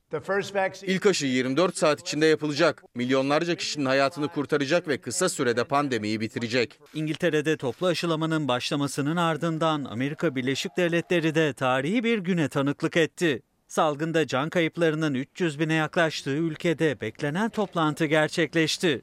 Amerikan İlaç ve Gıda Dairesi virüse karşı %95 etkili olan aşının acil kullanımını onayladı. Aşının 16 yaş ve üzeri kişilere uygulanabileceğini duyurdu. Bu aşının tüm Amerikalılar için ücretsiz olacağını söylemekten gurur duyuyorum. Aşıya onay çıkmasının ardından ülke genelinde hazırlıklar hızlandı. Dağıtımı ordu yapacak. İlk hafta yaklaşık 3 milyon dozu eyaletlere gönderecek. Ay sonunda bu rakam 6 milyon 400 bin dozu bulacak. Aşı öncelikli olarak sağlık çalışanlarına, huzur evlerinde kalanlara ve yaşlılara yapılacak. Mart ayına kadar firma bu aşıdan 100 milyon doz üretecek. 5 gün sonra ise Amerikan İlaç ve Gıda Dairesi Moderna'nın aşısına onay vermek için toplanacak. İkinci aşının onaylanmasıyla ülkenin tamamının Mart ayında aşıya ulaşması hedefleniyor. Efendim hemen İstanbul stüdyomuzda bağlanacağız. Göğüs hastalıkları uzmanı Profesör Doktor Muhammed Emin Akkoyunlu bizleri bekliyor İstanbul stüdyomuzda. Hocam günaydın, hoş geldiniz ve geçmiş olsun. Çok teşekkür ederim hepsine birden. Sağ olun, Şimdi var olun. ağır bir süreci atlattınız. Yani ben aslında hafif geçiririm, rahatla atlatırım diye düşündüğünüz bir virüs olarak e, paylaşmışsınız. Hatta kitaplaştırdığınız bir öykü. Ama Evet. sonrasında bir yoğun bakım süreci, yoğun bakımdan sonra ölümden döndüm diyen bir uzman var şu anda karşımızda. O süreci bize bir anlatır mısınız? Neden soruyorum hocam biliyor musunuz? Yani bir anda evlerde o e, akrabalık, komşuluk ilişkileri devam ediyor. Diğer tarafta insanlar kalabalıklaşabilmek için, buluşabilmek için duvarları kırıyor. Çeşitli çeşitli yöntemler buluyor. Bunun olmaması gerekiyor. Ve olmaması için gerekçeleri lütfen size anlatın. Kesinlikle. Yani şöyle e, yaş itibariyle korona için daha genç yaşta sayılırım. E, ek hastalığım yok. Düzenli spor yapıyordum. E, hastalıkla ilgili ilk karşılaştığımız zaman bir hastadan e, bunu aldım. İlk karşılaştığımda ya herhalde hafif atlatacağım. Yani ek bir hastalığım yok, riskim yok diye düşünmüştüm. Fakat e, ilerleyen süreç içerisinde ilk bir hafta içerisinde hastalığın ağırlaştığının farkına vardık ki zaten ağırlaşma genel itibariyle birinci haftadan sonra ortaya çıkıyor. Hastalık da o dönemde çok daha yeni olduğu için çok fazla gidişatı konusunda bilgimiz söz konusu değil. Mart aylarındaydı. E, fakat ilerleyen dönem içerisinde savunma sisteminin aşırı reaksiyonu ve aynı zamanda savunma sisteminin zaf- zafiyetine bağlı olarak e, maalesef genel durumda bozulmalar başladı. E, bilinç değişikliği başladı. Kısmen e, dalgalı bir bilinç değişikliği vardı. E, en sonunda ağzımdan kan geldiğinde gördüm. Yani artık dik dediğimiz bizim özel bir tablo var. Oraya geldiğimi fark edince işlerin artık çok ciddi bir e, hal aldığını fark etmiştim. İnanılmaz bir süreçti. Bana çok çok öğretici oldu diyebilirim. Yani hayatım açısından ölümü görmek e, çok fazla şey kattı. Ama bununla beraber inanılmaz bir travmaydı. Hani hasbelkader e, Allah'ın izniyle geri döndük ama e, buradan dönülmemez ihtimali çok daha yüksekti ki biliyoruz yaşıyoruz şu anda. Maalesef hayatını kaybeden e, binlerce insan var, milyonlarca insan var bütün dünyada. E, şu net yani şu hastalığa yakalandığınız zaman ölüm oranı %3. Yani bu riski almış oluyorsunuz. Onun için e, gerek yok. Bu riske gerek yok. E, çok basit bir ifadeyle yani bu riskten uzak durmak sizin belki gereksiz yere hayatınızın erken sonlanmasına neden olacak. Yani bu sıkıntıya sokacak sizi. Ee, onun için uzak durmak belki en önemlisi. Hocam Ee, belki mümkün. hani bizim değil, bir başkasının değil, hafif geçirenler de oluyor. Ama e, herkes hafif geçirmiyor işte. Yani e, siz de, siz aslında 41 yaşındasınız. Ve siz de bu süreci çok ağır geçirenlerden birisiniz. Ve yine bu tedbirsizlik sonrasında bazı kişiler çok ağır geçiriyor. Yoğun bakımlarda ciddi bir doluluk var. İnsanlar tedavi olmaya çalışıyor. Tedavi olmak için aslında bir yandan da e, sıra bekliyorlar. Sizin hastanenizde, çevrenizde durum nedir acaba?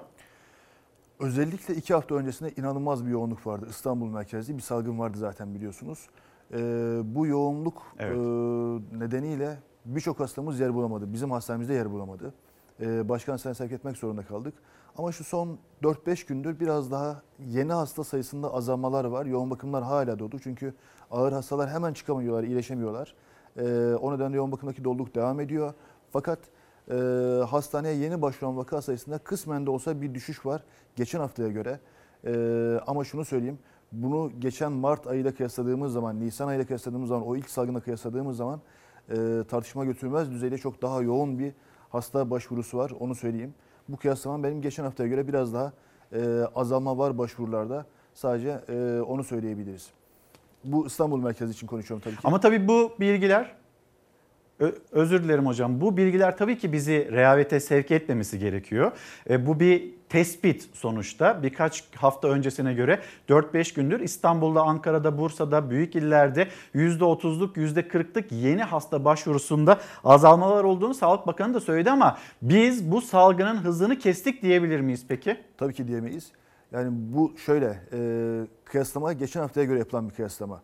Yani inanılmaz bir yoğunluk vardı. Saat 9'da 10'da ancak eve varabiliyorduk. Gece gündüz devamlı telefonlarımız açık ve müdahale ediyorduk. E, şu anda biraz daha e, seyrenmiş derken şöyle 6'da 7'de eve gidiyoruz. Ve gece telefonlarımız yine açık. Sabaha kadar e, devam mücadele ediyoruz. Bu kıyaslama geçen haftaya göre.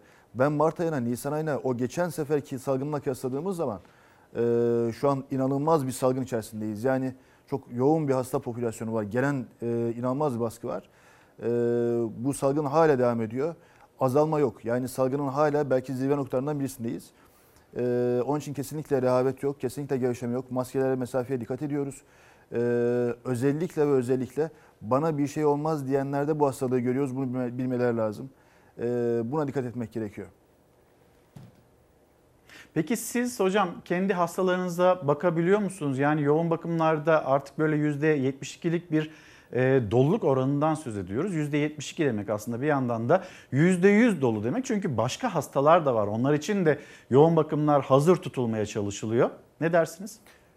Şöyle, yoğun bakımda %72 doluluk demek.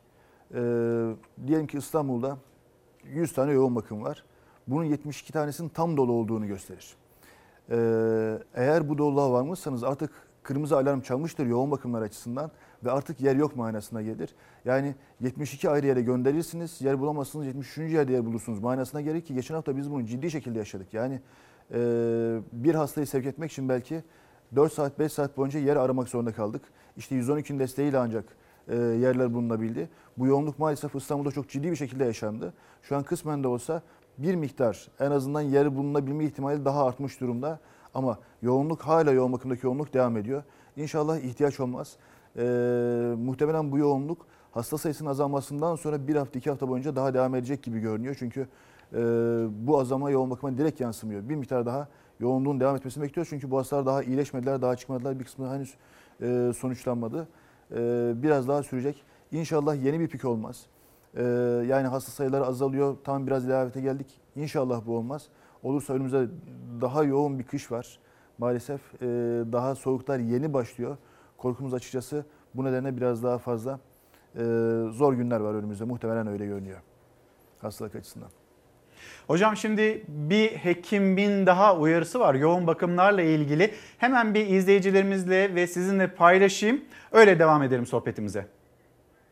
Şu anda eğer zaten bu hızda bu yasaklar gelmemiş olsaydı e, benim öngörüm aralığın ortası gibi en geç sağlık sistemin komple çökeceği. Ne demek komple çökeceği?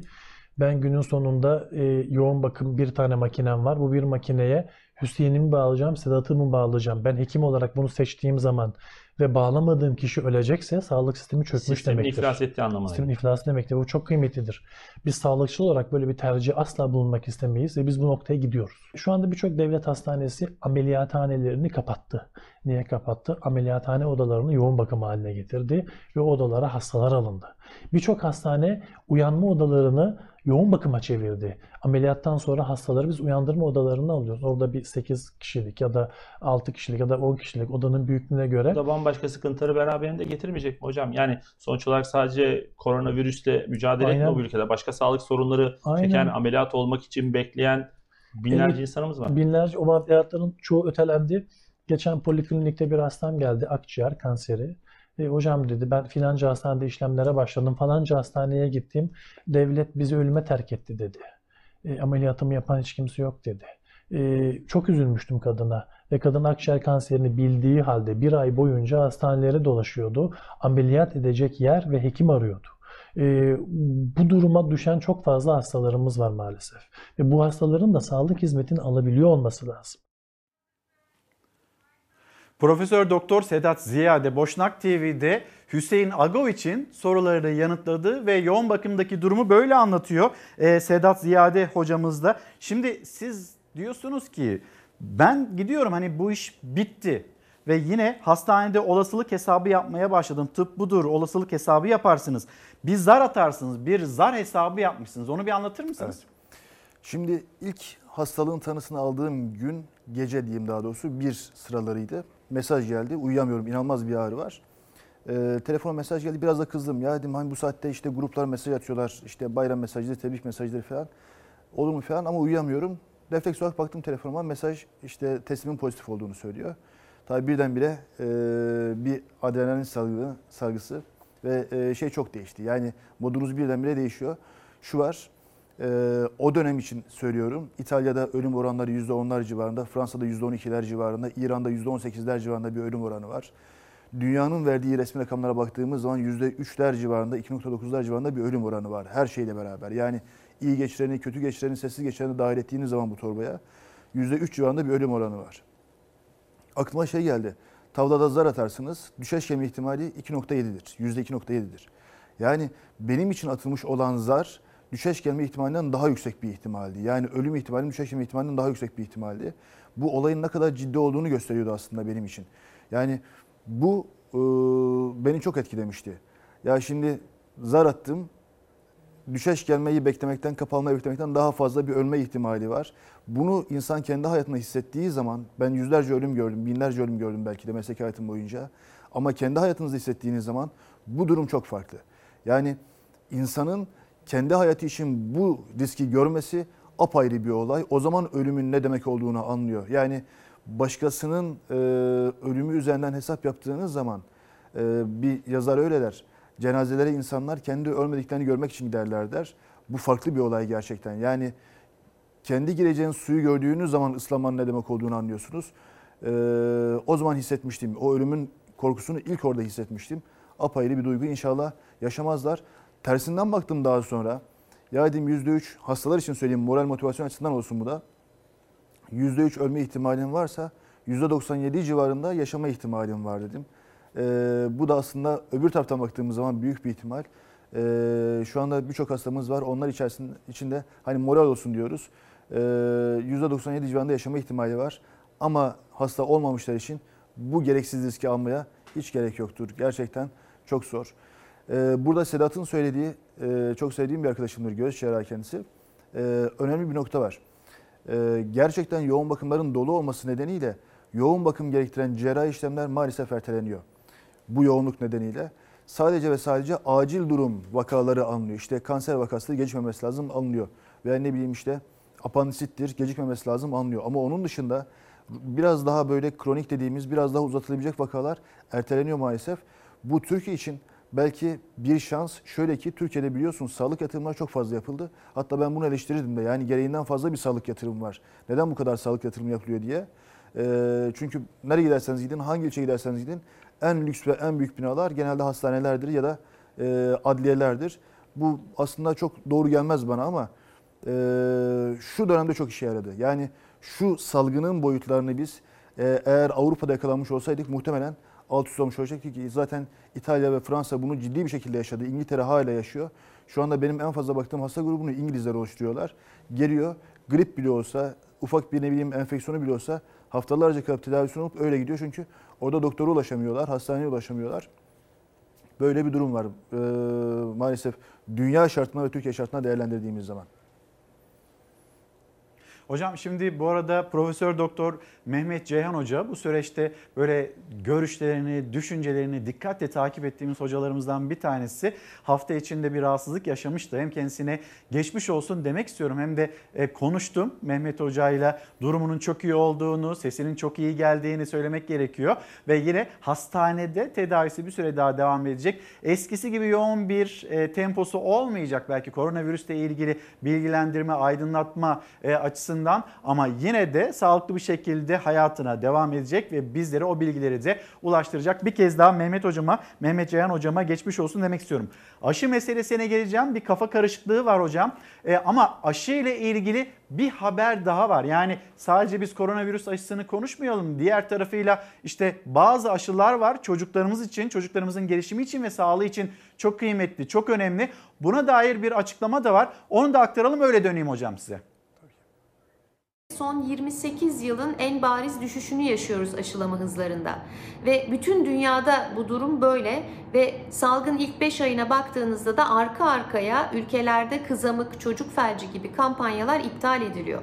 Dolayısıyla uzun vadede, uzun vade dediğim birkaç yıl içinde hatta kızamıkla, çocuk felciyle, difteri, boğmaca, tetanozla uğraşır hale gelebileceğiz. Bu çok büyük bir tehdit birinci sınıfa gidecek olan çocuklarımızın kızamık kızamıkçık kaba kulak üçlü aşısı ve difteri, tetanoz, boğmaca ve çocuk felcinden oluşan dörtlü karma aşısının okulda yapması planlanıyordu. Okullar açık olsaydı. Ancak şu anda özellikle bu sene birinci sınıfa gidecek olan okul aşı, çocuklarımızın okul aşılamalarını gerçekleştirememiş durumdayız. Sağlık Bakanlığımız bununla ilgili olarak 5 Aralık 5 Ocak tarihleri arasında aile hekimlerimize bir bilgilendirme yazısı gönderdi ve bu yaş grubunun aşı olabilmesi için gerekli hazırlıkların tamamlamalarını istedi. Lütfen velilerimiz bu tarihler içinde aile hekimlerine ulaşarak randevularını alsınlar ve aşılarını tamamlasınlar. Çünkü önümüzdeki süreçte bütün dünya ile birlikte kızamık, çocuk felci, difteri, boğmaca, tetanos gibi hastalıkların riski kapıda gibi görünüyor. Hocam şimdi Sağlık Bakanlığı'nın açıkladığı tablolar, veriler var. Bu tabloya baktığınızda siz de zaman zaman bir takım gariplikler olduğunu düşünüyor musunuz? Mesela evvelsi günle ve dün arasında açıklanmış olan iyileşen hasta sayısı arasında 1 milyon kişilik bir fark var. Sizce bu fark neden kaynaklanıyor? Bir mucize mi var? Bir e, umut mu var? Ya da bu kısıtlamalar bir sonuç mu getirdi önümüze koydu? Yoksa hani sonradan sehven denilebilecek bir durumla mı karşı karşıyayız? Şöyle e, açıkçası ben çok fazla rakamlar takip edemiyorum onu söyleyeyim baştan. E, inanılmaz bir iş yoğunluğu var. Haberleri dahi takip edemiyorum. E, sadece işte akşam eve gelip dinlenebiliyoruz yani o boyuttayız. E, o nedenle bu bahsettiğin spesifik olayı çok fazla yakalayamadım onu söyleyeyim. E, ama şu var yani e, biliyorsunuz uzun bir süre sadece hasta rakamları verildi. E, vaka sayıları verilmedi. E, bir de hani e, şeyde yani rakamlar üzerinden değerlendirecek olursak bunlar e, bütün dünya için geçerli. Dünyanın e, Anglo-Saksonları bir kenara alalım. Geri kalanı için rakamlar biraz e, daha az gösterilen rakamlar. Neden de şu. Şimdi testler aslında PCR pozitif olan vakaları gösteriyor. Şöyle PCR'lar evet. sadece hasta olanların %40 ile 50'si arasında bir rakamı veriyor. Yani e, hastaların yarısını ancak PCR gösterebiliyor. Fakat bunlar kesin katli sonuçlar olduğu için sadece bu rakamlar vaka sayısı olarak veriliyor açıkçası. Anglo-Saksonlarda ise Amerika ve İngiltere'de ise biraz farklı bir durum söz konusu. Onlarda da overestimate dediğimiz daha fazla gösterilen bir rakam var. Neden de şu. Burada doktor diyor ki kardeşim bu adam işte korona diyor. Korona tanısını koyduğu zaman liste yazdığı zaman korona olarak istatistiğe giriyor. E, fakat bunların arasında PCR pozitif olanlar var, PCR negatif olanlar var veya koronaya benzeyen başka hastalıklar girmiş oluyor. Yani hastalar aslında verilenden biraz daha az. O nedenle Amerikan rakamlarını okurken veya İngiltere rakamını okurken İtalya'nın rakamıyla, Türkiye'nin rakamıyla veya e, ne bileyim dünyanın işte başka bir yerdeki bir yerin rakamıyla beraber okumamak lazım. Bunun arasında farklı iki şey istatistik anlam açısından. İkincisi ise e, şunu söylemek lazım. Bu veriler toplanırken verilerin aktarılması, sisteme girilmesi, gelmesi, aynı zamanda verilerin e, zafiyete uğramasına biz biliyoruz bu çalışmalar yaptığınız zaman, multisistem çalışmalar yaptığınız zaman bunlar oluyor, yaşanıyor, geliyor bunlar. Aynı zamanda bile şu var, hastalar hastaneye gelemeyebiliyorlar veya hastalar örnek aldıramayabiliyorlar. Bunun gibi sorunlarla beraber aslında verilen rakamların biraz daha üstünde, biraz da üstündeyken kat be kat üstünde rakam olduğunu kesinlikle biliyoruz. Ee, onun dışında istatistik veriler girilirken bazı uyumsuzluklar oluyor mu? Oluyor. İşte yoğun bakım sayılarında, hasta sayılarında e, istatistik verilerde bazen uyumsuzluklar olabiliyor. Bunları biz şahit oluyoruz. E, veya bazı rakamlar az, bazı rakamlar fazla girilebiliyor. Tabii bunlar e, bir e, şey oluşturabiliyor fakat e, zannedersem yani bu işi yapan bir arkadaşla görüştük veriler girenle. Bize ne geliyorsa onu, onu giriyoruz diyor. Yani burada şey yok. E, hani istatistik kurumunun e, bir hatası falan söz konusu değil. Muhtemelen verilerin aktarımında ve iletilmesinde inanılmaz bir yoğunluk var. Mesela biliyorsunuz bir e-nabız sistemimiz var. Hasta bir hafta önce tomografi çekmiş. Tomografi evet. aynı gün görmemiz lazım. Ama oradaki arkadaş girmemiş sisteme tomografi göremiyoruz. Uyarılıyor, söyleniyor vesaire. Ondan sonra ancak girilebiliyor. Bu nedenle verilen toplanmasına ve gelmesinde muhtemelen sorunlar ve aksaklıklar yaşanıyordur.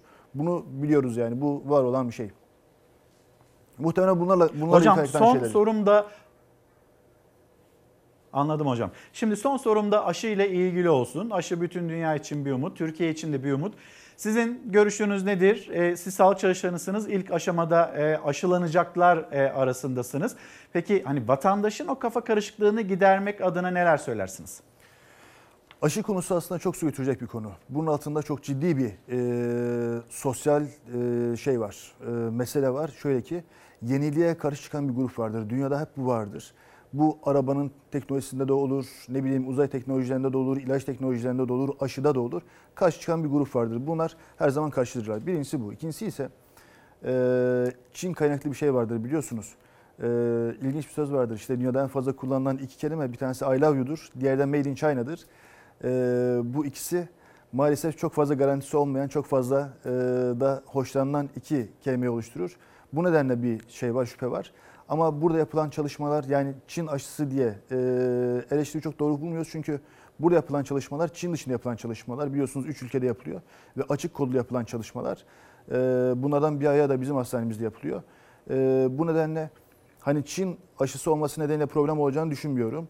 Ama aşının genel itibariyle yan etkileri üzerinden bazı tartışmalar gidiyor. Bence en büyük kısmı burası. Burada şunu bilmek lazım ki baklavanın içinde bile tuz var.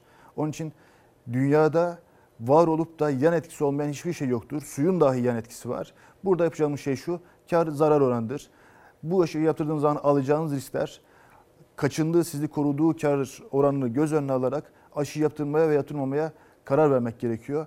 Özellikle riskli gruplarda, 65 üstü gruplarda, e, ek hastalığı olanlarda, kalp yetmezliği gibi, böbrek yetmezliği gibi organ yetmezliği olanlarda kesinlikle bir doktor olarak öneriyoruz. Diğerlerinde e, o zaman biraz daha bu işi konuşmak lazım. Yani yan etkiler işte şeyin biliyorsunuz Pfizer'ın yan etkileri vesaire fazla şu yayınlandı. Çok ciddi boyutta olan yan etkiler değil. En azından mRNA için, için söyleyeyim.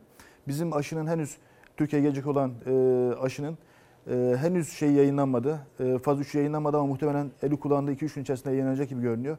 O çıktığı zaman onda daha net konuşuruz. Ama şu an için kar zarar oranı hesapladığımız zaman özellikle riski olan gruplarda kesinlikle yapılmasını öneriyoruz. Şu ana kadar hastalığı geçirmedilerse e, diğer gruplar için de en azından şu faz 3 çalışmasının sonuçlarının gelmesi lazım. Ona göre e, daha net konuşma şansı elde ederiz.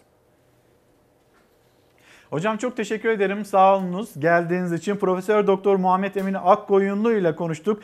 Göğüs hastalıkları uzmanı kendisi. Bir kez daha hocam geçmiş olsun. Biz yayınımıza şimdi hani böyle tabloya yansıyan rakamlar işte e, evvelsi günle dün arasında 1 milyonluk bir fark var iyileşen hasta sayısında. Buradaki tartışma bir taraftan devam ederken yine en çok rakamları verileri tartışılan bir başka kurum TÜİK. Enflasyonla ilgili, işsizlikle ilgili onların ortaya koyduğu rakamlarla vatandaşın yaşadığının tutmaması ile ilgili ciddi eleştirilere maruz kalıyordu TÜİK ve bununla ilgili bir açıklama geldi. Öyle zannediyorum. Karar gazetesindeydi. Karar gazetesinde hemen onu da aktaralım sizlere. Milli gelir böyle arttı. Nasıl artmış bir bakalım Karar Gazetesi'nin manşetine.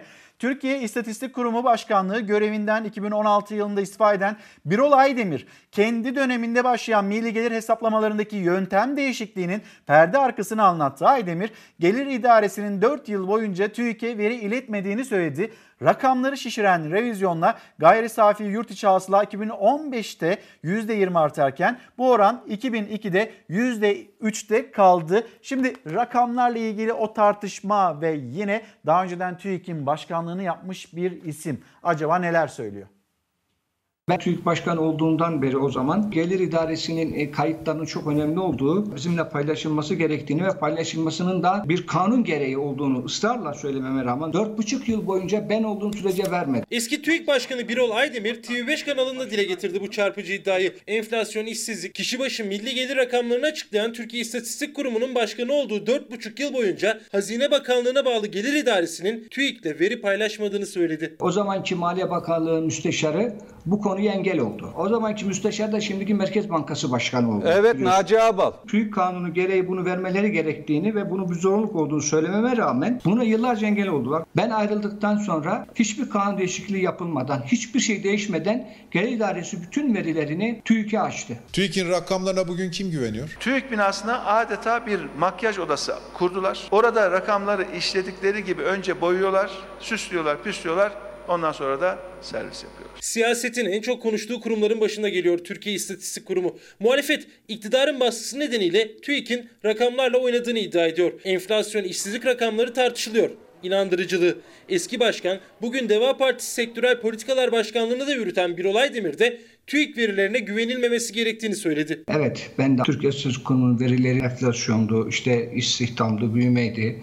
Bu gibi verilerin artık çok e, şüpheli olduğu, tartışmalı olduğu konusunda hem fikrim. TÜİK bağımsızlığını kaybetmiş midir? Evet. Kesinlikle kaybetmiştir. Son birkaç yılda başkanı ve enflasyonu hesaplayan birim başındaki başkan yardımcısı da dahil TÜİK yönetimi yenilendi. Kurum daha da tartışılır hale geldi.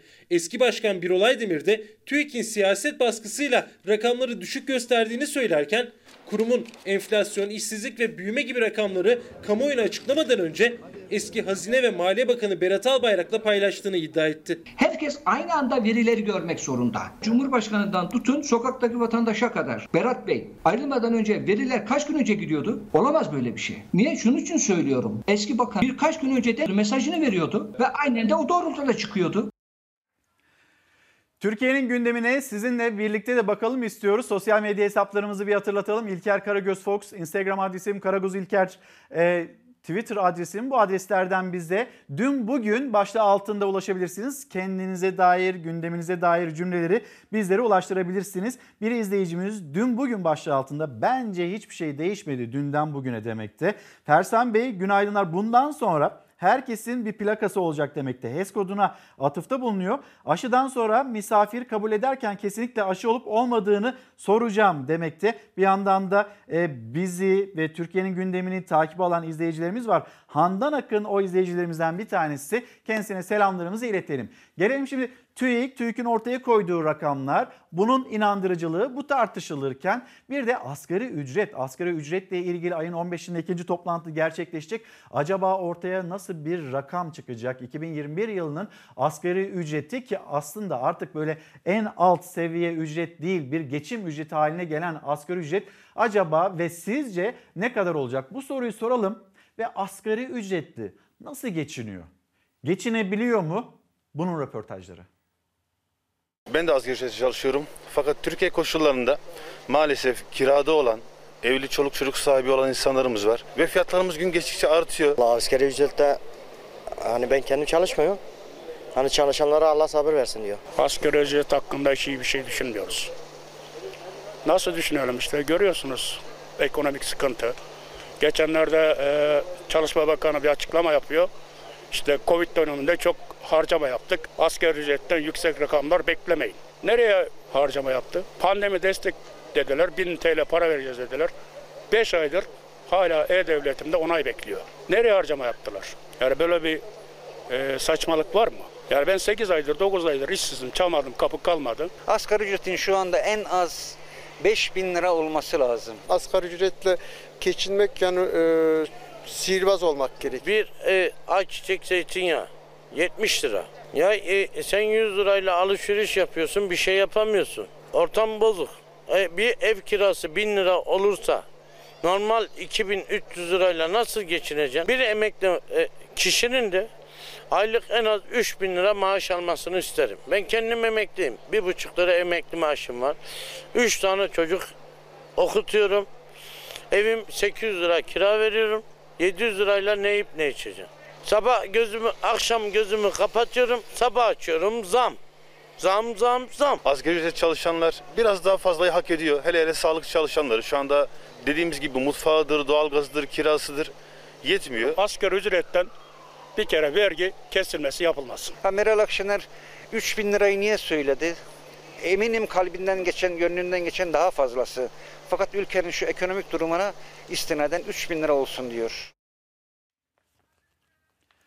Milli Gazete, Milli Gazete'nin manşeti hem aile hem de Çalışma ve Sosyal Hizmetler Bakanı ülkemizde yoksulluğun sorun olmaktan çıktığını söyledi. Biz de hani size de soralım hani öyle mi? Aile Bakanı'nın tarif ettiği şekilde mi?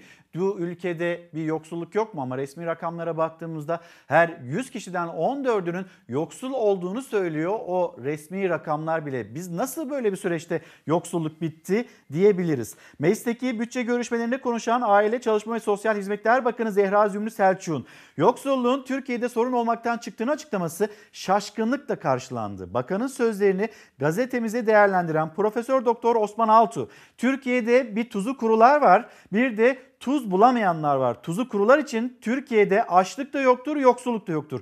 Yoks, yolsuzluk da yoktur. Yani tok açın halinden anlamaz. Tokça bir değerlendirme yorumunda bulundu. Ekonomist Şevket Apuan Türkiye'deki yoksulluğun dört işlem bilen herkesin idrak edebileceğini ifade etti. Efendim şimdi bir mola verelim. Döndüğümüzde ekonomiyle devam edelim. Efendim günaydın bir kez daha. Çalar Saat hafta sonu devam ediyor. Mesajlarınızla sürdürelim programı istiyorum.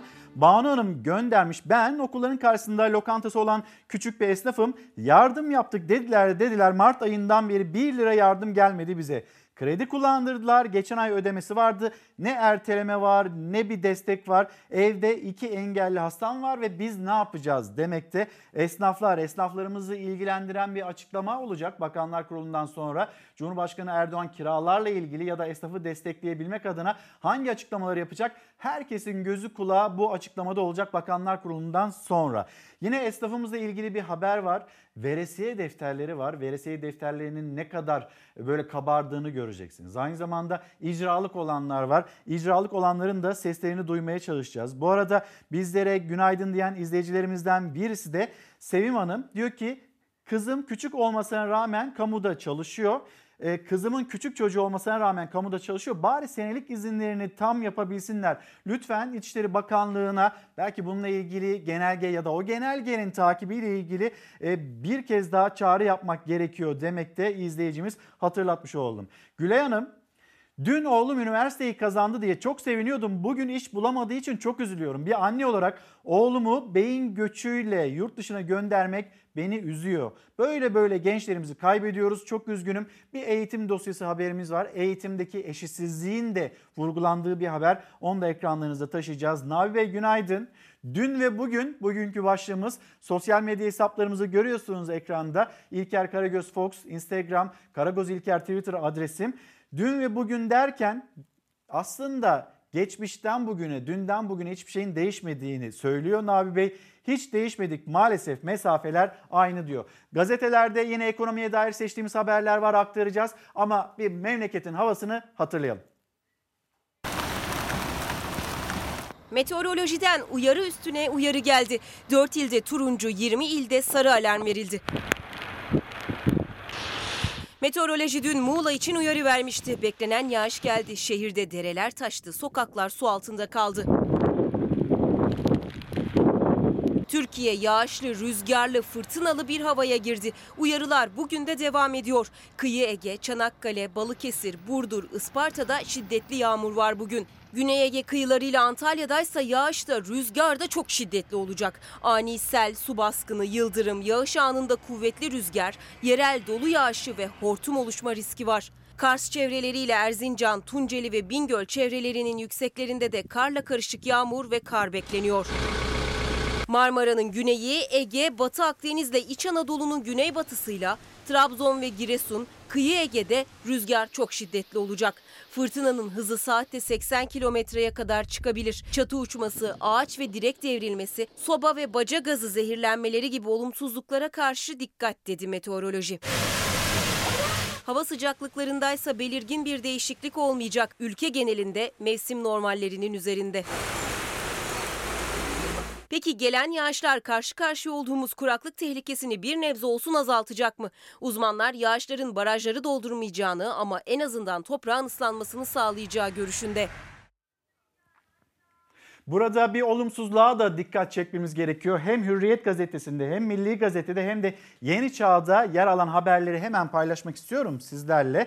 Ve Hürriyet gazetesiyle başlayalım. İstanbul'un 3 aylık suyu kaldı ama Devlet Su İşleri Genel Müdürü Yardımcısı Oğuz Kasap İstanbul'un 3 aylık içme suyunun kaldığını söyledi. Buna rağmen endişeye gerek yok. Gerek olmadığını beklenen yağışlarla birlikte Şubat'tan itibaren barajların dolacağını anlattı. Kasap Melen Barajı'ndaki çatlağın giderileceğini, başka barajların da devreye alınacağını söyledi. Biz belki 2020 yılını, 2020 yılını zaten kurak geçti, 2021 yılını bu şekilde yeni yağacak olan o yağışlarla kurtarabiliriz. Ama önümüzde hala sıkıntılı bir süreç olduğunu da söylememiz gerekiyor. Bakın Milli Gazete, Milli Gazete'nin tehdit büyüyor diyerek paylaştığı haber Erciyes Üniversitesi Ziraat Fakültesi Dekanı Profesör Doktor Osman Sönmez ülke genelinde buğday ekiminin genellikle Ekim Aralık döneminde yapıldığını belirterek yeterli yağış görmeyen bazı çiftçiler e, tavda bir ekim yapamadıkları için kışlık ekimden vazgeçti, yazlık ekim yapacak. Bunun sebebi de kuraklık denilmekte. Son 40 yılın en kurak sonbaharının yaşandığı yine Milli Gazete'de yer alıyor. Artvin Çoruh Üniversitesi Orman Fakültesi Toprak İlmi ve Ekoloji Anabilim Dalı öğretim üyesi Profesör Doktor Aydın Tüfekçioğlu son 40 yılın en kurak sonbahar mevsiminin yaşandığını belirterek Kış ve ilkbahar da kurak geçerse ülkemiz için su sorunu çok ciddi bir sorun olarak karşımıza çıkacak. Şimdi hal böyleyken bir de size Yeni Çağ gazetesini aktarayım. Yeni Çağ gazetesinde aslında çiftçimizin yaşadığı problemler manşette. 700 bin köylü tarımı bıraktı. İthalat yanlısı tarım politikalarıyla yabancı çiftçi zengin edilirken haciz ve icra kıskacında ezilen kendi çiftçimiz üretimden çekiliyor. CHP milletvekili Bekir Başevirgen 2018-2019 yıllarında tarım kredi kooperatifleri tarafından uygulanan yüksek faiz oranı nedeniyle Türk çiftçisinin borcunun katlanarak arttığını söyledi. Başevirgen çiftçi 180 milyar lira borç yükü altında eziliyor. İktidar bu mağduriyeti sürekli görmezden geliyor. Şu an neredeyse bütün çiftçiler haciz ve icra kıskacında ifadesini kullandı. 17 kıyası yapıyor. 17 yıl kıyası yapıyor. 17 senede ithalata 312.5 milyar lira ödenerek yabancı çiftçilerin zengin edildiğini belirten Bekir Başevirgen, AKP iktidar döneminde 700 binden fazla çiftçinin üretimden çekildiğini söyledi. Bir tarafta borçlar var, diğer tarafta kuraklık var. Önümüzde de zorlu aylar var. Bunun hatırlatmasını yapalım ve yine bir başka kıskaç, hani geçinememe kıskacı içindeki esnafımız, esnafımızın veresiye defteri kabarıyor. Vatandaşlar ceplerinde para olmadığı için gidiyor bakkallardan alışveriş yapıyor ve deftere yazdırıyor veresiye defterini. Hem onlar paralarını ödeyemiyorlar, zor geçiyor günler hem de esnaf onlar da toptancıya para olmadığı için borçlarını ödeyemiyor. Bu yasaklar zaten ufak esnafı bir hayli zora soktu. Müşteri daha da zor bir durumda. Müşterinin alım gücü düştü. İnsanlar şu anda gerçekten çok zor durumda. Maddi açıdan e, çok sıkıntılar çekiyor. Burada not yazdık işte e, insanların veresiye 30 lira, 70 lira, 88 lira, 40 lira. Ay başını bekliyoruz. Veresiyeleri buraya yazıyoruz. Defter ister istemez kabarıyor. Tabii kabarıyor. Sokağa çıkma yasağında dükkanların kapısı açık ama giren yok. Zaten girenlerin bir kısmı da veresiye defterine, küçük not kağıtlarına yazdırıyor borcunu. Olunca öderim diyor. Cumhurbaşkanı Erdoğan esnafa kira müjdesi vereceğiz dedi. 9 aydır günden güne geçim derdi büyüyen esnafa çare olur mu belli değil. Çiftçiyi, esnafı asla unutmadık. Bunun yanında kiralarda vesaire düzenlemelere gidiyoruz. Onları da kabine toplantımızın ardından açıklayacağız. İşler bu aralar pandemiden ötürü e, azaldı. Pandemiden önce daha da hareketlilik vardı. Ya veresiye defterine yazılıyor alınanlar ya da kredi kartıyla ödeniyor. Müşteri borçla alışveriş yapıyor. Esnafın veresiye defteri kabarıyor. İstanbul Bakırköy'deki bu bakkal da onlardan biri. Salgından önce bir müşterim bana gelirdi. iki hafta içerisinde ödemesini yapabilirdi. Şu an bir ay içerisinde zor yapıyor. Mahalle esnafında durum değişmiyor. Aksine gün geçtikçe daha da kötüye gidiyor durum. Veresiye defterleri her gün daha da kabarıyor. Elimde 3 kişiye ait veresiye notları var. 3 kişinin borcunun toplamı 2000 lirayı geçiyor. 450, 100, 210, 140, 190 ayrı de, müşterilerimizin tuttuğumuz defterlerimiz var. 1400 liraya kadar verdiğimiz veresiyeler var. Burada bir 350 var. 350 var, 480 var görüyorsunuz. Borç üstüne borç ekleniyor. Esnafsa ödeneceği günü bekliyor. Aldığı ürünün yarı ödemesini yapabiliyor. Alıyorlar mesela yazıyorum. E, tekrar ertesi gün bir daha geliyorlar. Üstüne çekiyorum. O yeni aldığı ürünle birlikte öncekinin toplamını yapıp tekrar yazıyor. Esnaf kasasına nakit girmeyince kendi borcunu da ödeyemiyor. Mal aldığı toptancıya bugün git yarın gel demek zorunda kalıyor. Toptancıya diyorum ki beni birkaç gün idare et ya da bir gün veriyorum. O gün geldiğinde bile ödeme yapamadığım toptancılar oluyor. Restoranda çalışanlar onlar seslerini duyurmaya çalışıyor. Bizler de ekranlarınıza taşıyacağız.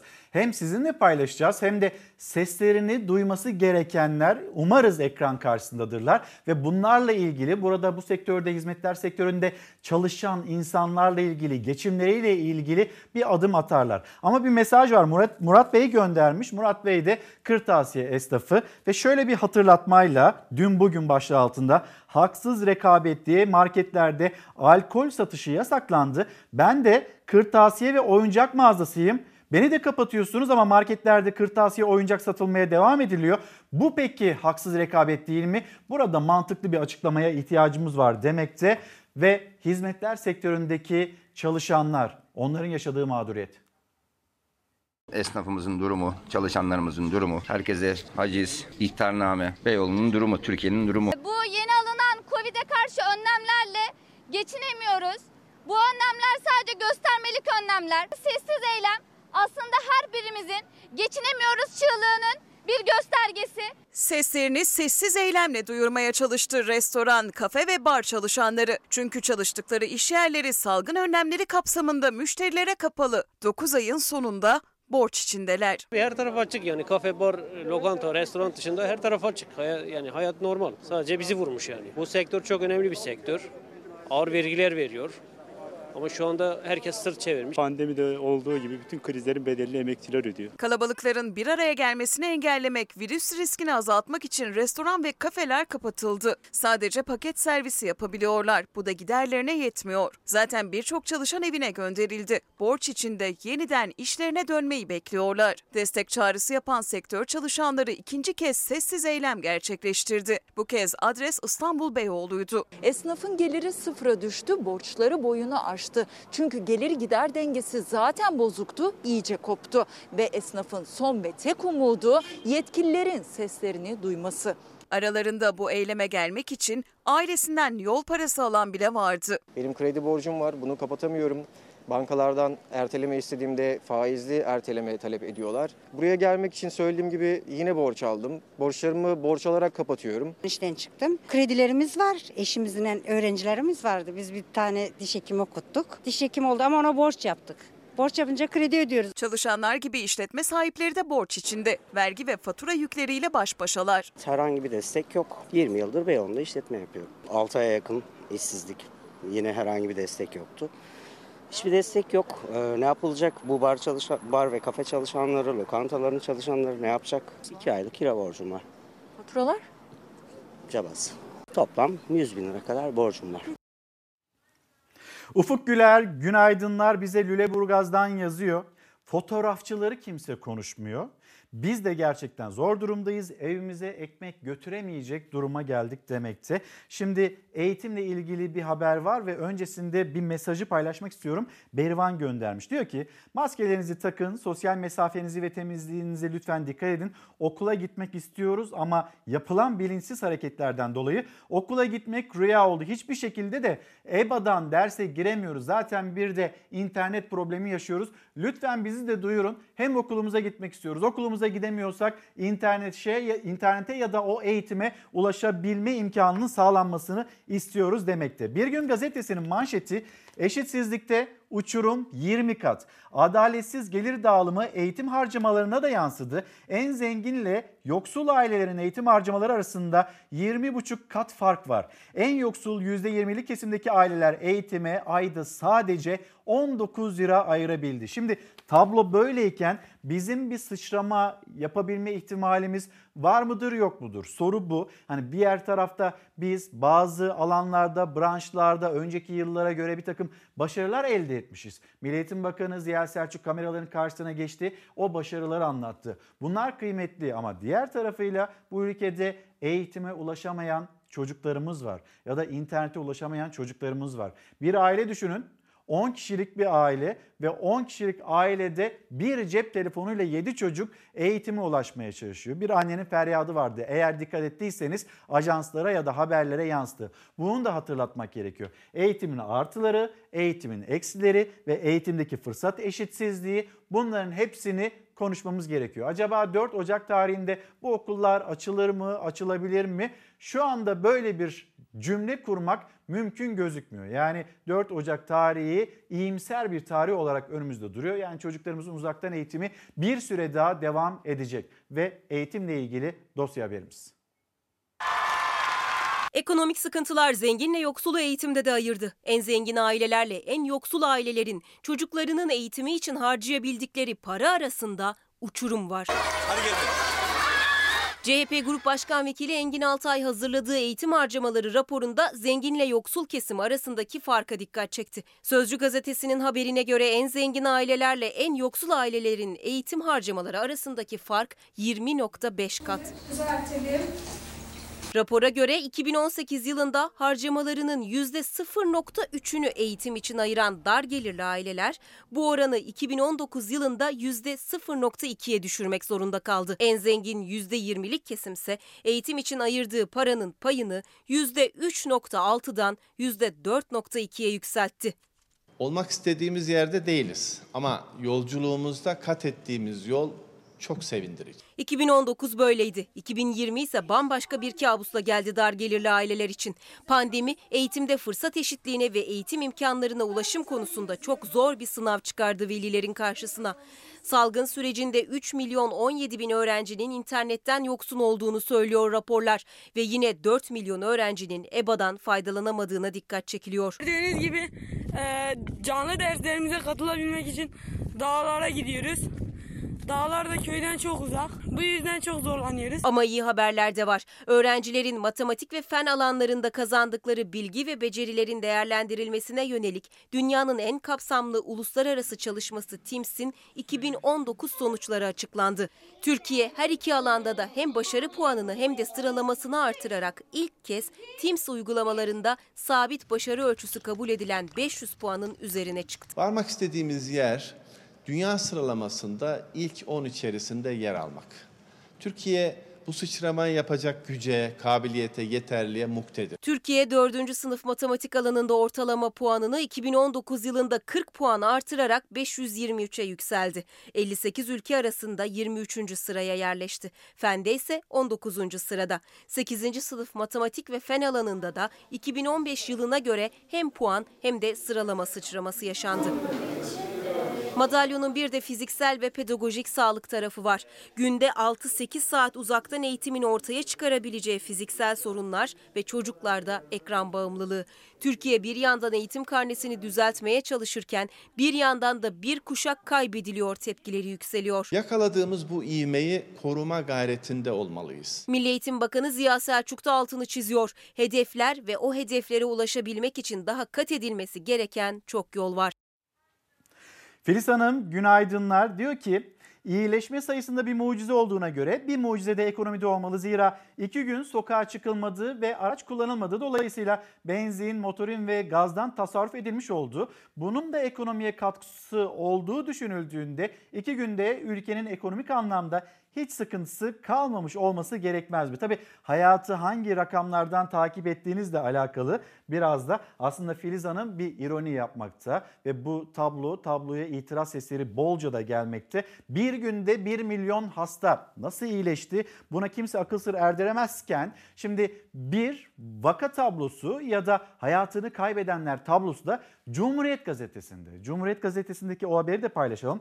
İstanbul Büyükşehir Belediyesi Mezarlıklar Daire Başkanı salgındaki acı tabloyu gasilhane yetmiyor diyerek anlattı. İstanbul Büyükşehir Belediyesi Mezarlıklar Daire Başkanı Doktor Ayhan Koç, İstanbul'da bulaşıcı hastalık kaynaklı ölümlerin 15 bini aştığını ve 350 dönümlük mezar yerine ihtiyaç olduğunu belirtti. Koç, soru işaretlerinin giderilmesi için COVID-19 kaynaklı ölümlerin raporlara net yazılması gerektiğini söyledi. Bir tarafta işte toplam ölü sayısı veriliyor ama sadece İstanbul'daki hayatını kaybedenlerin sayısı bu virüs nedeniyle, pandemi nedeniyle 15 bin, 9 ayda 15 bin ölüm olduğu şeklinde İstanbul Büyükşehir Belediyesi'nin paylaştığı bilgi bu yönde. Eğitimle ilgili dosya haberimizi paylaştık. Gelelim hani TÜİK'in açıkladığı rakamlar, TÜİK'in açıkladığı rakamlar içinde tabii işsizlik, işsizliğin düştüğü söyleniyor. Hem istihdam düşüyor hem işsizlik düşüyor. Tabii inanırsanız ya da inanmazsanız görüşleriniz neyse onu da bizimle paylaşabilirsiniz. Bir de bakalım genç işsizlik, insanlar, gençler onlar acaba geleceğe dair bir umut taşıyabiliyorlar mı? Ne kadar süredir iş arayışınız devam ediyor? 2 yıldır. Yeni mezun gençlerin %38'i iş arıyor. %26'sı 2 yıldır iş için bekliyor. Pandemiyle süreç daha da uzuyor. En fazla sorun yaşayan kitle de gençler. Çünkü işletmelerin yetiştirilmek üzere eleman almayı arzu etmedikleri bir dönemdeyiz. TÜİK'in son açıkladığı verilere göre gençlerde işsizlik %26,1'den %24,3'e geriledi. Ama işkurun kapısı başka bir hesabı işaret ediyor. Genç nüfusta da işsizlik oranı bir önceki yılın aynı dönemine göre azaldı ancak istihdamda geriledi. İşkur önlerindeki manzara ise aynı. Yine kağıt üzerindeki rakamlarla örtüşmedi. Büro memurluğuna başvurdum. Hani sekreter, büro memurluğu. Yüksek lisans mezunuyum. Dershanelerde, kurslarda öğretmenlik yaptım. Rehberlik öğretmenliği, felsefe grubu öğretmenliği yaptım. Mesele işsizlik değil, mesele mesleksizliktir. Mesele iş beğenmemezliktir. Genç Yönetici ve İş İnsanları Derneği'nin araştırmasına göre gençler umutsuz. Gençler iş beğenmiyor ya da sorun mesleksizlik açıklamalarının aksine yapılan çalışmaya göre 18-22 yaş aralığındaki işsiz gençlerin %74.3'ü sadece yol yemek veren bir yerde çalışmaya dahi razı yani karın tokluğuna. 26 şehirde yaşayan gençlerle yapılan araştırma her iki gençten birisinin işsizlik nedeniyle ailesiyle ilişkilerinin olumsuz etkilendiğini söylüyor. Neden iş bulamıyorsunuz sorusuna da %37 ile Türkiye'nin mevcut ekonomik koşulları diyorlar. İkinci sırada torpillilerin olması var. Üçüncü sıradaysa düşük maaş teklifleri. Çokça mesaj geliyor. Bu tablet dağıtımı var. Pazartesi günden itibaren başlanacak. Milli Eğitim Bakanı da bunun çağrısını yaptı. Benim de tablete ihtiyacım var diyenlerden birisi de Meriç. Yani ben de e- erişemiyorum eğitime demekte. Ee, İdeal Kutlu Türk o da diyor ki abi ben 20 yaş altında olan birisiyim. Saat 1 ile 4 arasında dışarı çıkabiliyoruz ama o saatlerde de canlı derslerimiz olduğu için evde olmak durumundayız. Acaba bununla ilgili yeni bir düzenleme olur mu olmaz mı? Bir söylesen demekte Milli Eğitim Bakanı'na hemen onun da mesajını paylaşmış olalım. Elimden geldiğince mesajlarınızı hızlı hızlı aktarmaya ve diğer haberleri de paylaşmaya çalışıyorum. Genç işsizlikteki tablo bu şekilde. İsterseniz yine pandemi süreciyle devam edelim. Bir başka kesim. Esnafımız ama hangi esnafımız? Servisçi esnafımız. Onların yaşadığı problem. Şu anda yattığından dolayı burada trafik sigortasını ödeyemedik. Muayenesi yok, kaskosu yok. Trafik sigortası olmadığından dolayı bu araç şurada hareket ettiği an bağlanıyor. Trafikten ben. Zaten çalışmıyor. Ben nasıl bunu hareket ettireyim? İş olacak ki ben bunu hareket ettireyim. 30 yıldır ben düzenli olarak gelir vergimi ödüyorum ama 2020 yılını ödeyemedim. Evimizi aş, aracımıza iş bulamıyoruz.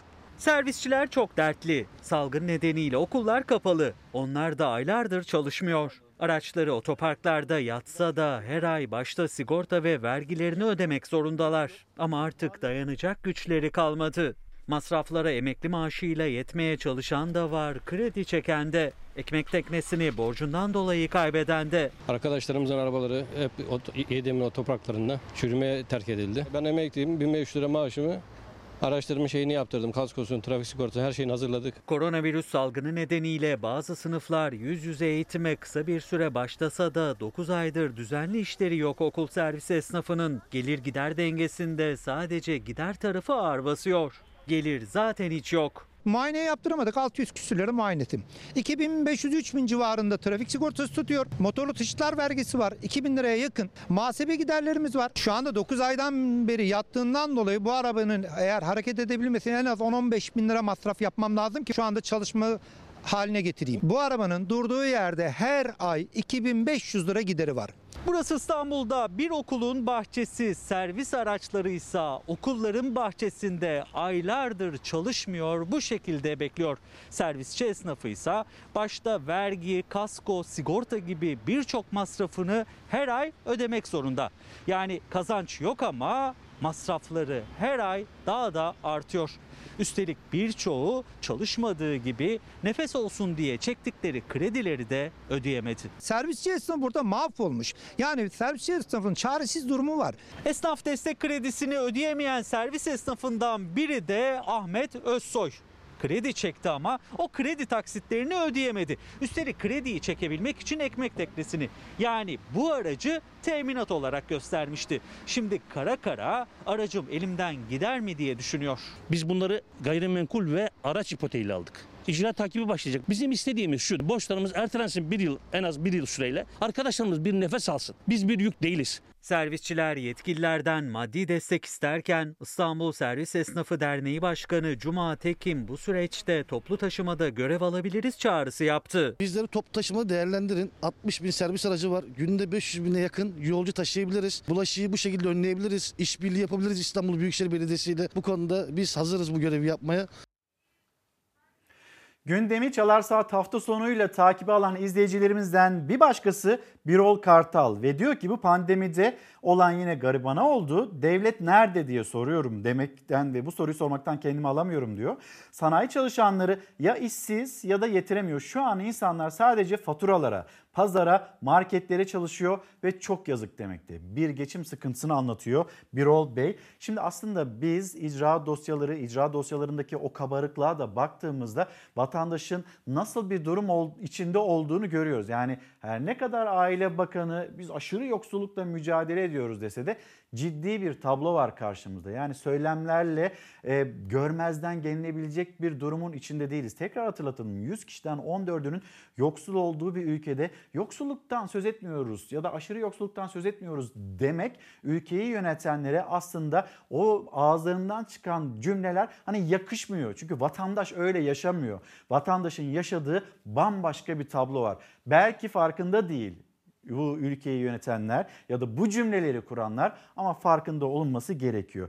Takipteki icra dosyası 22 milyon 852 bine yükseldi. Haciz dosyalarında rekor bir artış var ve sadece buraya baktığınızda insanların geçinemediğini, insanların borçlarını dahi ödeyemediğini görürsünüz aslında. Bakarsanız görürsünüz.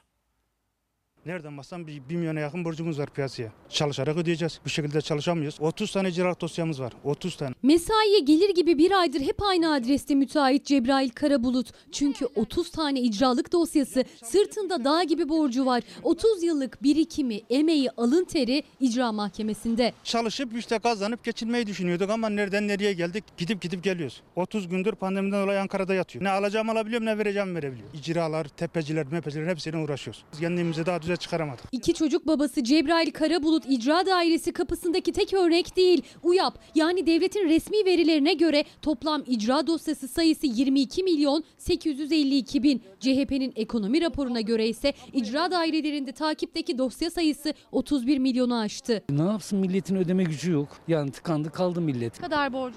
10 bin liranın üzerinde. İşsizlik, maddi durum bozukluğu. Benim taksitli borcumdu. Hepsini birden icraya verdi. Ondan dolayı ödeyemedim. Kimi nasıl olsa taksitle deyip aldı, kimi gelir olmadığı için kredi kartlarına sarıldı. Üzerine bir de kredi borçları eklendi. Hatta birçok esnaf pandemi nedeniyle kepenk indirdi. Hal böyle olunca borçlar katlandıkça katlandı ve ödeme gücü olmayanların geldiği adres işte burası icra müdürlükleri. Pandemiden dolayı da işsiziz şu anda. Ücretsiz izne ayrıldık. 50 yaşındaki Numan Şahin de pandemi mağdurlarından. 9 aydır işsiz. Borçlandı. Borcunu borçla kapatmaya çalıştı ama deyim yerindeyse batağa saplandı. O da icralık Kamil Göktepe'de. 3 milyarlık borç 10 bin lira olmuş. Geliyorum 15 bin lira diyorlar. Keyfine borçlanmadım ben. Geçim sıkıntısından dolayı borçlandım. İcralık dairesine düştüm. Onu ödeyemedim. Eşim yok, maaşım yok, hiçbir yerden bir gelirim yok. 2008 yılında 8 milyon olan icra ve iflas dosyalarının sayısı 2018 yılında 20 milyona çıktı. 2020 biterken resmi rakamlara göre 22 milyonu aştı. İşsizi, müteahhiti, esnafı, ev hanımı hepsinin buluştuğu yer Ankara Söğütözü'ndeki icra mahkemelerinin müdürlüklerinin binası. Gözler devletten gelecek o yardımlarda ya da desteklerde ama diğer tarafıyla da bir dayanışma kültürümüz var ve bu dayanışma kültürüyle o zor günleri atlatmaya çalışıyoruz. Ve sanatçılar onlar zor durumda ve sanatçılar kendi yaşadığı sıkıntıları da bir tarafa koyup Türkiye'nin bir gerçeği, deprem gerçeği ve bu deprem gerçeğiyle yüzleştiğimizde orada enkazda arama kurtarma çalışmaları yapan ekiple dayanışma içinde ve onlar için bir çalışmaları var. Onlar bizlerden biri. Aslında bir avuçlar ama hepimiz için varlar. Yaşanan her afette canları pahasına can kurtarıyorlar. Şimdi sıra bizde. Bizlerin desteğiyle daha da güçlenecekler. Zamana karşı yarışırken daha fazla can kurtarabilmek için desteğimize ihtiyaçları var. 13 Aralık'ta birçok sanatçı arkadaşımın da katılacağı bu özel canlı yayın için Akut'un sosyal medya hesaplarında buluşuyoruz.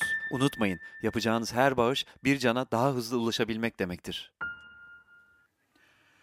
Ünal Bey günaydınlar lütfen bu konuyu dile getirin demekti. Pandemiden hemen sonra işe girdim. İki aydır ücretsiz izindeyim. Devlet yardımı alamıyorum. Evet bir yandan da tabii ücretsiz izinde olanlar var. Bakıyorsunuz yani acaba iş yerinden hani atılsaydım, tazminatımı alsaydım daha mı iyi olurdu acaba? Belki bu zor günleri bu şekilde atlatmam daha mümkün olurdu diye düşünenler var. Ama baktığınızda o kişiler işsizlik tablosuna da yansımıyor. Aldıkları maaş evlerini geçindirmeye yetmiyor ama işsiz de sayılmıyorlar. Keşke atılsaydık da bir tazminatımız olsaydı diyen e, pek çok kişi var. Zor günlerden geçiyoruz. Devlet yardımı alamadıklarını hatırlatan bir izleyicimiz Ünal Bey. Şimdi başkaca mesajlar da var. Onlara da böyle hızlı hızlı baktığımızda aramıza katılan izleyicilerimiz var. Belgin Hanım göndermiş mesela. Vatandaş zor durumda demekte devletin vatandaşının yanında olması gerekliliğini hatırlatıyor Belgin Akbaş. Şimdi bir mola verelim. Molanın dönüşünde son cümlelerimizi paylaşalım sizinle. Efendim bir kez daha günaydın. Çalar Saat hafta sonuna nokta koyacağız ama gelen kitaplar var. Onları da göstermek istiyorum. Kamuran Özdemir mesela 4 kitap paylaştı bizimle. Kamuran Özdemir'den Matruşka Sözlerim ve yine Matruşka sözlerimin devamı. Matematik tarihçesi yine Kamuran Özdemir'in bizimle paylaştığı Matematik insanı çarpar dediği bir kitap. Ve yine Matruşka sözlerim Sonbahar adlı kitabını da gösterdikten sonra gelecek nasıl olacak ve bu geleceğin nasıl olacağına dair bir çalışma, dijital yönetim kırılma, yeni bir dünya düzeni Profesör Doktor Işın Çelebi Altınbaş Üniversitesi Türkiye Bilişim Vakfı'nın bir çalışmasıydı. Bizlerle paylaştı. Biz de aktaralım istedik. Efendim kapatırken her zamanki gibi teşekkürümüz sizlere. Bizi izlediğiniz için çok ama çok teşekkür ederiz. Hoşçakalın, güzel bir gün olsun, sağlıklı bir gün olsun. Hoşçakalın.